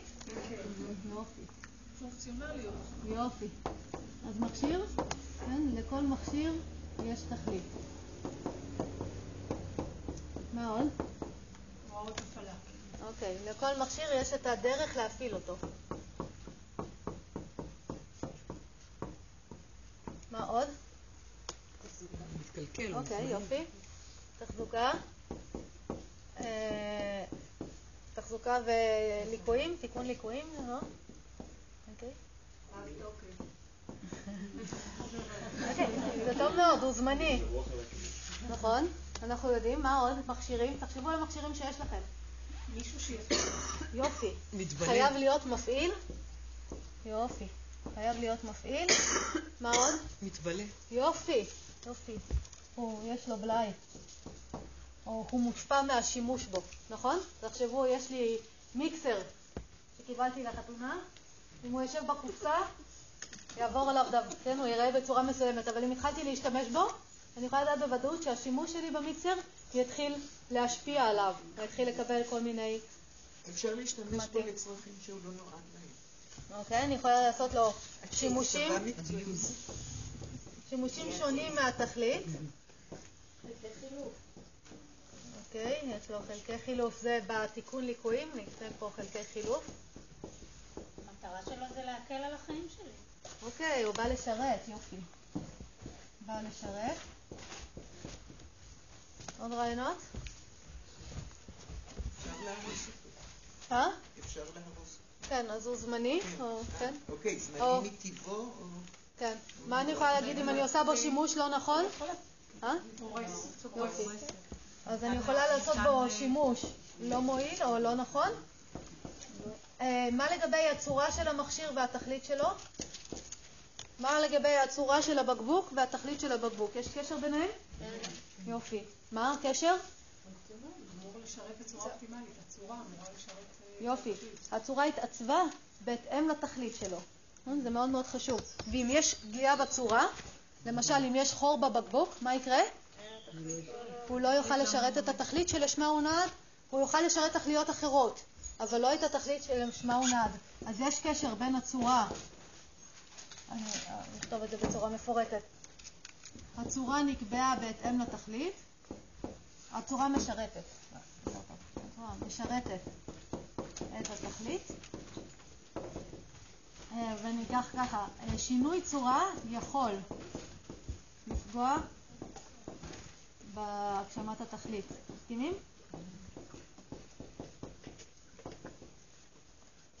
אפשר אה, לפתח תלות במכשיר. אוקיי. כן, במה התלות שאנחנו תלויים במכשיר? איזה סוג של תלות זה? אה? של התכלית. יופי, בדיוק. לפעמים זה מכשיר שאי אפשר בלעדיו. לפעמים זה מכשיר שפעם אפשר- אפשר היה בלעדיו, והיום ברגע שהוא נוצר אנחנו לא יכולים לחשוב בלעדיו. יופי. אז בשביל להגשים את הצורך המסוים, נכון? אני צריך את המכשיר הזה. ובלי המכשיר אני לא אוכל להגשים. למשל, אם אני רוצה לתקשר עם מישהו מרחוק, אני חייבת טלפון. בסדר? בהנחה שאני לא טלפתית. בסדר? אז אני, אני יכולה להגיד, התלות שלי זה תלות אה, למימוש צורך, אבל אם אין לי צורך לתקשר עם מישהו מסוים, עם מישהו מרחוק, האם יש לי צורך, האם יש לי תלות במכשיר? לא, באותו רגע התלות הזאת מתבטלת. אוקיי, אז כתבנו פה דברים מאוד מאוד יפים. אפשר גם לחלוק בו. Hmm? אפשר גם לחלוק בו. אפשר לשתף מכשירים? אה, כן, יש... אה, כן, אבל האם בהכרח כל מכשיר את יכולה לשתף? לא. משקפיים שלך. כן, נגיד המשקפיים. שואלים על דעתי. כן. המשקפיים שלי, אם אני אתן לך אותם, אה, לא כדאי לך בכלל. בסדר? אה, אני אשים את זה בצד, כי זה לא בהכרח גורף. אז בואו נתחיל לחקור את מה שיש לנו פה, והדבר הכי חשוב להבין, זה ש... או בתור התחלה שכדאי לנו להבין, זה שלכל מכשיר יש תכלית, ומכשיר לא היה נוצר, אלא אם כן הוא בא לשרת תכלית מסוימת. וכל כך קל לראות את זה, שתסתכלו על כל הדברים שיש פה בחדר. תסתכלו, יש פה מיליון דברים בחדר. מה משותף לכל הדברים האלה? כולם משרתים תכלית. תסתכלו, המזרונים, העצים, אז אה, כל דבר שיש פה בחדר, נמצא פה בחדר מסיבה אחת בלבד, מכיוון שהוא משרת תכלית. ואם יש פה משהו בחדר שלא משרת תכלית, מה יקרה לו? לא. הוא לא יהיה בחדר. למשל, כשהתחילו הלימודים לפני שבועיים, עשיתי פה סדר, וכל מה שמבחינתי לא שירת תכלית, יצא מהמרחב. וכל מה שכן שירת תכלית, נשאר בתוך המרחב. אז מעצם העובדה שמשהו קיים, ותחשבו על כל הדברים שקיימים, אה? גם אם זה דברים כמו משפחה, אה? כל דבר שנוצר בעולם הזה, בא או נוצר בגלל שהוא משרת תכלית. והדברים שאין להם תכלית, לאן אנחנו, איפה אנחנו שמים אותם? יפה, בזבל. אנשים זקנים, איפה אנחנו שמים אותם? אה? איפה אנחנו שמים אנשים זקנים? רחוק, למה? זה ממש כמו, הרבה פעמים, לשים אותם בזבל, כי הם כבר לא יעילים, הם כבר לא משרתים תכלית בחברה. אה, תחשבו על אה, אנשים עם אה, פגיעות מוחיות? עם ההכרה שנפגעה, שיתוק מוחין, כל הדברים האלה, אוטיזם וכאלה, איפה אנחנו שמים את החבר'ה? בצד. אה, למה? מנסים לשלב. כן, מנסים במאמץ, אבל באופן טבעי מה קורה? באופן טבעי הם הולכים הצידה, הם נמצאים איפשהו בגלל שהם לא משרתים תכלית, בגלל שהם לא יעילים, ואחד מה, נגיד, המאמצים שלנו בחברה זה להפוך אותם, ל...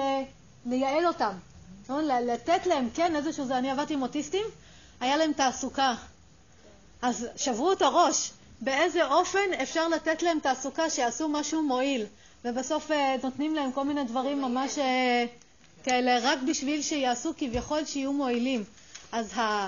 עד כמה זה ברור שכשיש צורך במשהו הוא נמצא, כן? הוא מופיע, וכשאין בו צורך הוא הולך. תחשבו על הווקמן. כן? פעם ווקמנים היו בכל מקום, איפה הם עכשיו? בסדר? אז אה, אם אנחנו קיימים, אני יכולה להגיד בוודאות, הגוף הזה קיים, ההכרה הזאת קיימת, מה זה אומר? יפה. לדבר הזה שנקרא גוף והכרה, או מה שעד היום קראנו לו אדם, לדבר הזה יש תכלית, אחרת זה לא היה מופיע.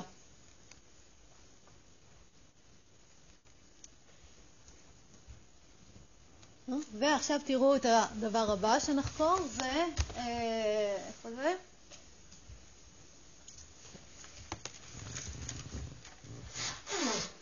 זה, הצורה. Okay, אוקיי, אז הדבר לא היה מופיע אם לא היה לו תכלית.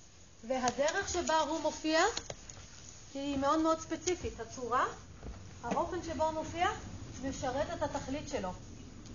למשל כיסא, יופיע בצורה מסוימת, חייב להיות שם משהו שישרת את התכלית. מה התכלית של כיסא? לשבת. Okay, אז בצורה של כיסא, תמיד, תמיד, תמיד חייב להיות הדבר הזה שמאפשר ישיבה. עבור מי? עבור מישהו. נכון? תמיד עבור מישהו. אחרת הוא לא היה נוצר הכיסא. עכשיו, באיזה צורה כיסאות יכולים להופיע? המון צורות, נכון? יכול להיות גדול, קטן, אה, מפלסטיק, מעץ, עם זה, עם זה, אבל מה כל הכיסאות חייבים? מושב, בדיוק, לאפשר ישיבה. ואם יש לי כיסא שלא מאפשר ישיבה, מה... יפה, הוא הפסיק להיות כיסא. או במילים אחרות, הוא, אה, איפה זה? שינוי צורה יכול לפגוע בהגשמת התכלית. בסדר? אם נהיה לי חור במושב, תסתכלו על כל הכיסאות שנמצאים בזבל, בדרך כלל מה מאפיין אותם? המושב. יפה, או שאין מושב, או שהרגליים שבורות.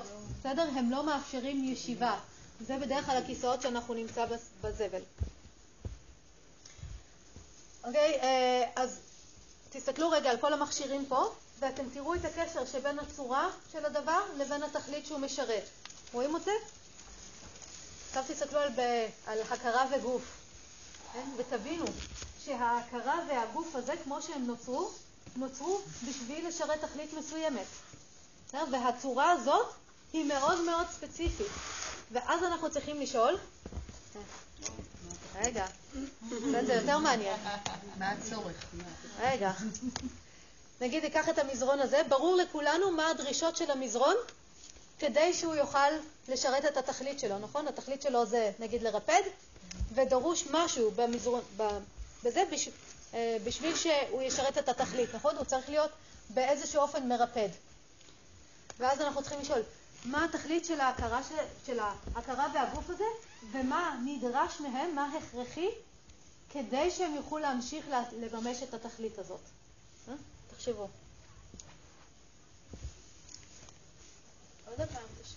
אוקיי, המזרון, הוא חייב שיהיה לו אה, את הריפודיות הזאת, נכון? איזשהו משהו שמבדיל אותי מהקרקע, בשביל שהוא ישרת את התכלית שלו, אחרת הוא לא משרת את התכלית. נכון? הכיסא חייב שיהיה לו מושב ויציבות, בשביל שהוא ישרת את התכלית שלו של לשבת עליו.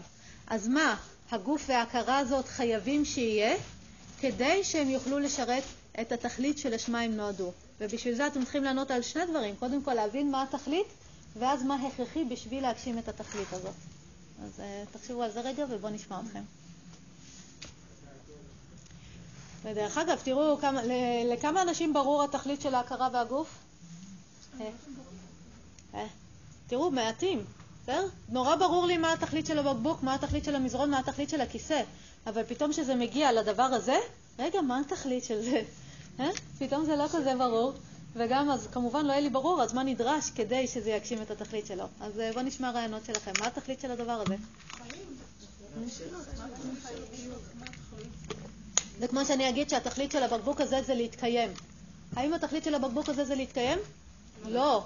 התכלית של הבקבוק הזה זה לאפשר לי להחזיק בו מים או נוזל. אה? לא, בשביל שהוא יוכל לעשות את זה הוא צריך גם להתקיים, וככל שהוא יתקיים יותר זמן, כך הוא יכול לאורך יותר זמן לשרת את התכלית שלו, אבל התכלית שלו זה לא להתקיים, התכלית שלו זה להחזיק נוזלים. אותו דבר, התכלית של המזרון זה לרפד, לא להתקיים. זה שככל שהוא יתקיים יותר, יאפשר לו יותר זמן לקיים את התכלית שלו. אז לשרת. כן. לשרת. מה מושקי? התכלית של הבקבוק זה לשרת, התכלית של הכיסא זה לשרת, אבל של הבקבוק זה לשרת בצורה שמחזיק נוזלים, ושל הכיסא בצורה שאני אוכל לשבת עליו. אז זה שאת אומרת לשרת לא עוזר לנו, צריכה להבין מה התכלית הספציפי של המערכת הזאת. יופי. לא לאפשר חיים, מה מושקי? אה? לאסוף ידע. יופי. ההכרה שלנו היא מכשיר לידע. התכלית, המכשיר ההכרה, זה מכשיר לידע. ואנחנו כולנו יכולים לראות, אם תזכרו גם מה שכתבנו בהתחלה על כל ההכרה שלנו, כל התכונות שלה, מה היא עושה? היא קולטת, היא מאבדת והיא מוציאה פעולה. כן? זה בסך הכל מכשיר שאומר, שאוסף ידע ומוציא ידע. הוא אומר לי מה יש והוא אומר לי מה לעשות. זה מה שפסיכולוגיה קוגנטיבית אומרת מילה במילה. מעולה. נכון. כן? נכון. אני שמחה. אז אה, ההכרה שלנו, בסדר? היא מכשיר לידע, אז מה זה הגוף בשביל ההכרה? משתמש ב... להוציא את הפעולה לפועל. לא, משתמש ב... לבצע את הפעולה. זה החומרה. זה בסך הכל כמו מה המסך והמקשים עבור התוכנה. בסדר? זה הדבר שמאפשר לו להתקיים בעולם. הגוף שלי הפלסטיק עבור הבקבוק, בסדר? זה הדבר שמאפשר לו להגש... להגשים את התכלית שלו, אבל בשונה מהתכלית שלו. זה בסך הכל כמו המיכל, המיכל הפיזי, שבתוכו הכרה חיה. אבל זה לא ההכרה עצמה, ההכרה היא התכלית, היא הדבר... כן, אה, בסיבוב, מה העניינים? אז... אה, בס ההכרה היא הלב של, המכשיר הזה, היא זאת שעושה את ה... היא זאת שמאפשרת, או את התכלית, את ה... אה, היא זאת שמגשימה את התכלית, ההתעסקות עם הידע, ההבאה של הידע פנימה והחוצה, והגוף זה הדבר שמאפשר להכרה להתקיים, זה כמו המיכל שבתוכו נמצאת, או תמיד תחזיקו את הרעיון הזה של תוכנה וחומרה, מבחינתי זה דימוי ממש ממש טוב. אבל אני לא הבנתי, אה? לא לא שאלת שאלה אחרת? רגע, מה? יש שני חלקים לשאלה. כן, קודם כל שאלתי מה התכלית של זה. יפה, יפה. קודם כל שאלתי מה התכלית של ההכרה. ההכרה היא מכשיר לידע. בסדר? כמו שהמזרון הוא מכשיר לריפוד, והבקבוק הוא מכשיר לנשיאת מים, ומטוס זה מכשיר. לכסות מרחקים ארוכים בזמן קצר, ההכרה היא מכשיר לידע. זה מה שהיא עושה, היא מביאה לי ידע ומוציאה ידע. ואם רגע אחד נרחיב את זה רק כדי שיהיה לכם יותר אה, מדויק, עבור מי הבקבוק הזה משרת את התכלית של נשיאת מים? עבורי. ועבור מי המטוס הוא מכשיר למרחקים ארוכים? עבורי. ועבור מי המזרון זה מכשיר לריפוד? עבורי. ועבור מי ההכרה היא מכשיר לידע? עבורי. בסדר? אבל האם אני הבקבוק והמזרון והמטוס? לא. אני מה? זאת שעושה בהם שימוש. זה הכל. אני זאת שעושה בהם שימוש. אבל אני לא הם. אה, ותחשבו עד כמה זה ברור לנו עם בקבוק ומטוס, עם הטלפון זה קצת פחות ברור, אבל עם ההכרה שלנו זה לחלוטין לא ברור לנו. אבל אנחנו עוד נגיע לזה, עוד נחקור את זה. אז ההכרה היא מכשיר לידע, ומה נדרש? מהמזרון נדרש שהוא יהיה מרופד, מהבקבוק נדרש שיהיה בו חלל, כדי שהוא יוכל לשאת נוזלים, נכון? אה, מהכיסא נדרש שיהיה לו מושב. מה נדרש מההכרה שלי? לא, התוצר יהיה ידע נכון. בסדר? אה? לקלוט, לאבד, מה נדרש? שתהיה מוכנה לקלוט. שתהיה הכרה בהירה. שתהיה הכרה בהירה נקייה. האם אני חייבת שהכיסא שלי יהיה נקי בשביל שאני אשב עליו? לא. אוקיי. אה? אני יכולה להסביר משהו אם משהו לא ברור. לא, את הסכמת עם זה שהיא צריכה להיות נקייה בהירה? לא, לא, עוד לא, אני אוקיי. עדיין בחקירה. בסדר, אמרתי, אם- האם אני חייבת שהכיסא יהיה נקי בשביל לשבת עליו? לא. לא. אוקיי? אז מה כן? חייבת להיות. אה? שיהיה לה את האפשרות לקלוט. אה, אני חייבת שיהיה לה את האפשרות לקלוט, אבל מה זה הדבר הזה? את ההבחנה בין ה... אה? אני אומר שהיא צריכה להיות. היא צריכה להיות. אתה צריך שיהיה גוף. אה, אוקיי, אבל אה, גם כיסא יכול להיות במצב השברור שלו, אה? נכון? אז ואז, אין לו תכלית. נכון. אה, אז מה ההכרה חייבת להיות? תקינה. יופי. אני יכולה להגיד שהיא חייבת להיות תקינה, זה נכון, אבל אז אני יכולה לפרק את זה, מה זה אומר תקינה. בסדר? עבור הכיסא, עבור הבקבוק, עבור המזרון, אני יכולה לדעת. אבל מה ההכרה חייבת להיות? כן, מה הדבר בהכרה שלנו שיאפשר לה להיות כזאת? פתיחות. תחשבו מתי ההכרה שלי לא תקינה. כשאני ישנה? במצוקה. כשאני ישנה. כשאני ישנה, ההכרה שלי לא תקינה היא פשוט על עוף. אוקיי, זה לא שהיא לא תקינה, היא פשוט על עוף. מה המצב הזה של אה, הכרה שלא עובדת בכלל? המצב הזה של חוסר הכרה. בסדר? למשל, אנחנו רואים את זה, בן אדם מחוסר הכרה, זה בן אדם שלא נכנס ידע למערכת שלו, ורואים את זה, אה, הבדיקה שלנו, איך אני יודעת אם בן אדם הוא בעל לו הכרה או לא. בדיוק, אני עושה לו כל מיני גירויים מאוד מאוד חזקים, צועקת לו באוזן, צובטת אותו במקומות רגישים, ואני רואה שלא נכנס שם מידע, אין, אין קלט של הגירויים האלה. אז מה חייב להיות? מה חסר שם? ידע נכון. אה, לא ידע, מה? היכולת. בן אדם. היכולת אה, לחקור. פתיחות לא פתיחות, מה ההכרה חייבת להיות? מה ההבדל בין אדם מחוסר הכרה לבין אדם בעל הכרה? אה? יש לה יכולת הבחנה ותפיסה. היא צריכה להיות באון, צריכה. פעילה. מה זה ההון הזה? יופי. אני יכולה לכתוב ערה, אני יכולה לכתוב קולטת, בסדר? תופסת. ואני חושבת שאנחנו עוד נצטרך לחקור את זה, או עם הלימוד שלנו אנחנו נחקור את זה עוד ונבין. אה? אבל חייב להיות שם המקום הזה שהוא ער, אה? המקום הזה שהוא קולט. אם ההכרה שלי לא קולטת, גם אם היא שם, אה? כמו במצב של מחוסר הכרה, עדיין יש שם הכרה. זה לא שהכרה הלכה. אבל ההכרה לא במצב שהיא קולטת דברים, מבחינתי ההכרה לא שמישה. מה קורה אצל חבר'ה עם פיגור שכלי? תחשבו על זה טוב. מה יש שם? המוח נפגע, נכון? הכרה אה? משובשת. יפה.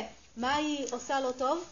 הוא לא קולט את המידע. יפה. הקליטה היא אחרת. כל מי שעבד פה עם חבר'ה עם צרכים מיוחדים יכול לראות שהקליטה היא אחרת, עיבוד המידע הוא אחר, והפעולה שהם מוציאים זה אחר. מהרגע שזה משובש, אם זה לא משהו שניתן לתיקון, בסדר? אם למשל אה, זה היה, לא יודעת מה, פגיעה בלידה שלא הגיע חמצן למוח, בסדר? המושב של ההכרה, ואז יש פגיעה בתפקודים ההכרתיים, אנחנו יכולים לראות שכל הקליטה של גירויים חיצוניים היא שונה, וכל היכולת לעבד ולהוציא פעולות לעולם גם היא נפגעת. אז ההכרה שלי חייב להיות, חייבת להיות ב, אה, שיהיה לה את האפשרות לקלוט דברים. מה עוד? מה עוד היא עושה? היא לא רק קולטת? היא גם מאבדת. יופי. היא חייבת להיות מסוגלת לעבד. אני חושב שרוב המקרים, נגיד, קחי גם את המפגר, הקליטה, אני- אין לי מושג איך אני חושב, אבל הקליטה היא הקליטה, הבעיה היא בעיבוד, לא? אה, לפעמים הקליטה היא לא אותה קליטה. לעיתים, לא זה הפרעה, זה- בהפרעות קשב הרבה פעמים זה בקליטה. חלק מהדברים לא נקלטים. כן, או שאני מוצף בקליטות, אבל אז המ- המ- המעבד לא מצליח לעבד זה יכול להיות גם זה וגם זה. הקליטה. כן, אנחנו, זה קשה קצת. להפריד, כי זה העולם הזה שהוא לא חומר שאני יכולה להסתכל ולראות. אז אני יכולה אבל להסתכל מה קורה, למשל, אה, אה, יש את המקום הזה של אה, לא רק הקליטה של החושים שמגיעה, בסדר? אלא יכול להיות שכל התפיסה היא שונה, שנגיד מה שאתה קולט, למשל ילדים שהם קולטים באופן טבעי את הדבר הזה של לחכות, נכון? הם רואים ומחכים מבוגרים. אצל, אה, אוטיסטים נגיד זה לא אצל. אוטיסטים המקום הזה של החיקוי הוא לא עובד. אז אני, ו- והחושים שלהם הם כן בסדר, הם כן רואים, הם כן שומעים. אז זה משהו בקליטה, אה, אה, אולי- גם בעיבוד, אבל כן, אבל גם בקליטה של הסיטואציה וגם בעיבוד שלה שלא עובד כמו שצריך. מה עם מחלות נפש? מחלות נפש. מה איתם? את מסתכלת על תופעות נפשיות, על דיכאון, חרדה, מחלות נפש, ש- שאת אומרת אוטיזם, כן? שיש משהו בכימיה של המוח שהוא אחר. שזה ידוע היום שבכימיה של המוח יש שינויים. זה שהם מגלים את זה דרך זה, וזה מבחינת היוגה זו תפיסה אחרת קצת. אה, אבל מבחינתי, המחלות נפש זה לא חייב להיות, אני לא מכניסה אוטיזם במחלות נפש. לא, ברור שלא, כן. אבל אני הולכת, נגיד על סכיזופרניה, כן. כן? חוסר הבחנה בין דמיון כן. נכון. זה בסך הכל כשל ביכולת ההבחנה, בסדר? או חולשה של יכולת ההבחנה, וזה משהו שאנחנו יכולים לפתח. זה פוגע בתפקוד של ההכרה, אבל אה, זה, זה קצת אולי כמו כיסא, נגיד, שמאבד את הרגל שלו ואני יכולה לתקן, אני יכולה לשים רגל אחרת, או אני יכולה לפתח את זה. אז אה, זה משהו כזה. זה יכולות של ההכרה שאפשר אה, לפתח, ואנחנו עוד נראה מה היוגה מציעה במקרה הזה של סכיזופרניה. כן.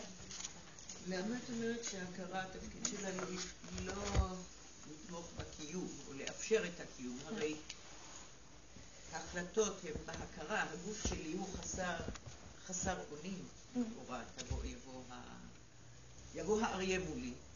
ההכרה היא זאת שגורמת לי, הזיכרון, הידע, כל, ה... כל הפעילויות המנטליות הן אלה שיאפשרו את הקיום שלי. כן. אני, מה שאני אומרת זה לא שהיא לא עושה את זה, אבל זה לא התפקיד העיקרי שלה. התפקיד העיקרי שלה, אנחנו עוד נראה, הוא קצת אחר, אבל בשביל שמכשיר יוכל לקיים את התפקיד שלו, הוא צריך להתקיים לאורך זמן. למשל, אם אני קונה מכונית והיא קיימת רק אה, חמש דקות, זה עזר למישהו? זה עזר קצת, אבל זה כאילו, אני יכולה להגיד, כאילו פוגע ביכולת של המכונית להגשים את התכלית שלה. אז אותו דבר, ההכרה עושה פעולות של לשמר את החיים, כי אם היא תשתמר לאורך זמן, היא תוכל להגשים את התכלית שלה, של להביא לי ידע.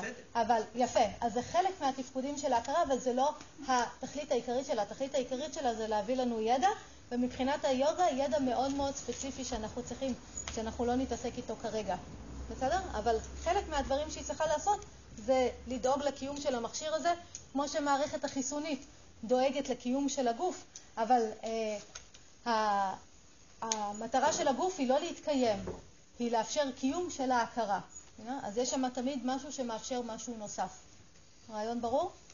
אפשר אוקיי. את ההבחנה מתי אה, בעצם ההכרה היא לא אה, בתפקוד אה, תקין, נגיד, מתי הגבול, הקשב וריכוז ההכרה שלי, הכלי הוא לא... לא, הוא יכול להיות שהוא דורש, אנחנו נראה, זה לא שהוא לא תקין, בסדר? כל הפעילויות קורות שם, רק צריך יותר מיומנות בשביל לשלוט בו. אנחנו עוד נגיע לדבר על כל הדברים האלה לעומק, עוד לא סיימנו את הכל. אבל אני יכולה להגיד שיש דברים מהותיים בהכרה שאם הם לא יהיו, היא לא תוכל ליישם את ה... או להגשים את התכלית שלה, והדברים האלה זה הצורך בלקלוט, הצורך בלאבד והיכולת להוציא פעולה. חייב להיות שם הפונקציות האלה שיעבדו, אנחנו כשנחקור את המכשיר לעומק אנחנו נראה בדיוק את כל הפונקציות האלה, זה מאוד מאוד מעניין איך הן עובדות ואיך אנחנו גם יכולים להסתכל עליהן בצורה טובה, אבל אני יכולה להגיד חייב להיות שם משהו ער, משהו משהו שעובד, איזושהי קליטה, איזושהי תפיסה, האפשור הזה, כדי שאני אגיד ההכרה היא תקינה, אני, היא יכולה להגשים את התכלית שלה, ואם לא יהיה שם את הדבר הזה, אני מבחינתי יכולה לשים את ההכרה בזבל, או לעשות משהו, או אני אגיד את זה אחרת, לא לשים אותה בזבל, היא פשוט לא תגשים את התכלית שלה, ואז אני יכולה לעשות איתה תכליות אחרות, כמו שאמרנו פה, אבל את התכלית העיקרית שלשמה היא נועדה, היא לא תוכל לעשות את זה. עוד שאלות? אוקיי.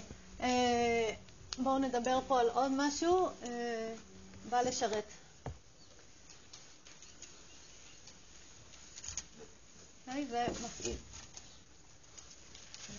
בא לשרת ומפעיל. כל המכשירים... כן. כל מה שאמרת לגבי ההכרה, ודיברנו על חבר'ה מאוכלוסיות מיוחדות, כל מה שאנחנו נתקבל לנו כאן בשביל הם אה, לא מקבלים את השירות האופטימלי מההכרה שלהם. נכון, ואז את יכולה לראות שהם מקבלים ידע חלקי על העולם, לא מסוגלים לאבד אותו כמו שצריך ולא מסוגלים להוציא לפועל את הפעולות שנדרשות בשביל להתקיים בזכות עצמם. ואז אנחנו שמים אותם במקומות שבהם יש אה, אנשים שעוזרים להם לקיים את עצמם. עוד דברים? אוקיי, אז מפעיל ובא לשרת. אם נסתכל על כל המכשירים אנחנו נראה שכולם נועדו לשרת אותנו, להיטיב איתנו באיזשהו אופן. בסדר? גם אה, אקדח, בסדר? שהורג בן אדם אחר, האקדח הזה נוצר כי בזמן של היצירה שלו, כשהגו את הרעיון הזה של אקדח, אה, היה שם מישהו שהיה לו צורך ב... אה, אה, לא יודעת מה, להרוג צורות חיים אחרות. והוא בא לשרת תמיד תמיד מישהו, אחרת הוא לא היה נוצר. אותו דבר הרעיון פה של הגוף וההכרה שלנו, אם הם לא היה, אם אה, התכלית היחידה שלהם זה לשרת, זה להועיל. ואם אה, מבחינתי, אם שואלים, יש את הדיון הזה, האם האדם הוא טוב מיסודו או רע מיסודו, האם באנו לעשות פה טוב או להזיק, המערכת הזאת של גוף והכרה באו אך ורק לשרת, כמו כל מכשיר אחר. אין שם שום דבר, כמו האקדח.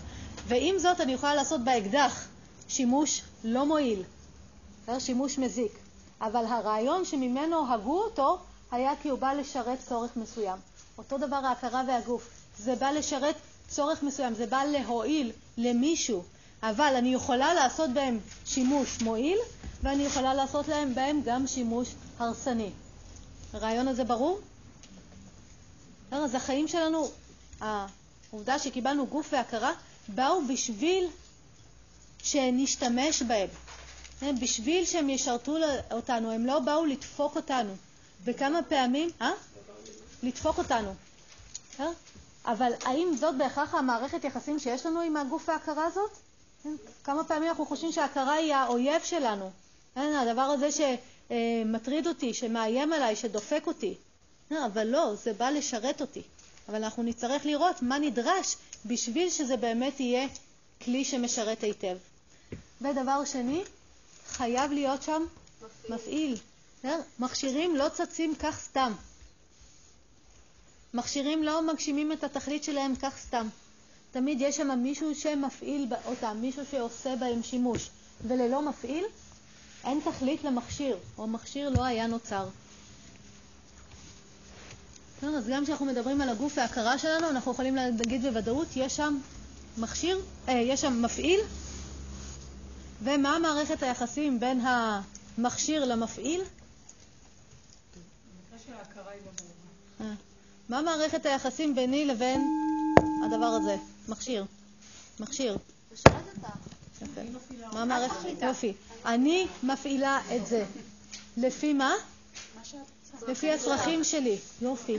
תחשבו, אותו רעיון היוגה רוצה להביא לנו. אני מפעילה את ההכרה והגוף לפי הצרכים שלי. מה בדרך כלל אנחנו מוצאים אצל אנשים בטיפול, שבאים לטיפול? האם הראי... אה, בדיוק. בדיוק ההפך. הם עבדים להכרה והגוף. הם חסרי אונים מול המפלצת הזאת.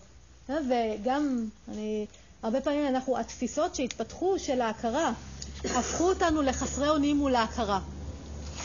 אבל אם אני מבינה שאני המפעילה של הדבר הזה, אז העבודה שלי תהיה, אה, ואני מבינה שאני מפעילה של זה, שאני יכולה להפעיל את זה בהתאם לצרכים שלי, וזה הדבר היחיד שזה בא לעשות זה לשרת אותי, מתוך ההבנה הזאת כמה אפשר לשנות.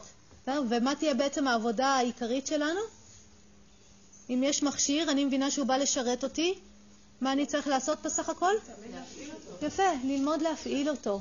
זה הכל, ללמוד איך הוא עובד וללמוד איך להפעיל אותו. ואנחנו נראה שרוב התהליך של היוגה זה ללמוד להפעיל, ללמוד איך ההכרה עובדת וללמוד להפעיל אותה. ואם נתתי את זה לבן אדם, עשיתי איתו תהליך מדהים. ופה אנחנו נסיים. כן, זמננו תם. אה, שאלות, בקשות? אוקיי, אז תעשו את השיעורי בית שנתתי לכם, ותתחילו לשחק עם הרעיונות האלה, מכשירים, תכליות וכאלה, ותבואו שבוע במפגש הבא שלנו ונדון על הדברים. אה, בואו נסיים בהודיה. רגע. נעצום רגע עיניים. נביא כפות ידיים אל בית חזה נרקין סנטר. נודה על הזכות שניתנה לנו להתכנס כאן יחדיו, ללמוד ולתרגל. את התוצאות של הלימוד והתרגול שלנו נקדיש לטובת כל הברואים, שכולנו נלמד להפעיל את ההכרות שלנו בצורה מועילה. תודה רבה. תודה רבה.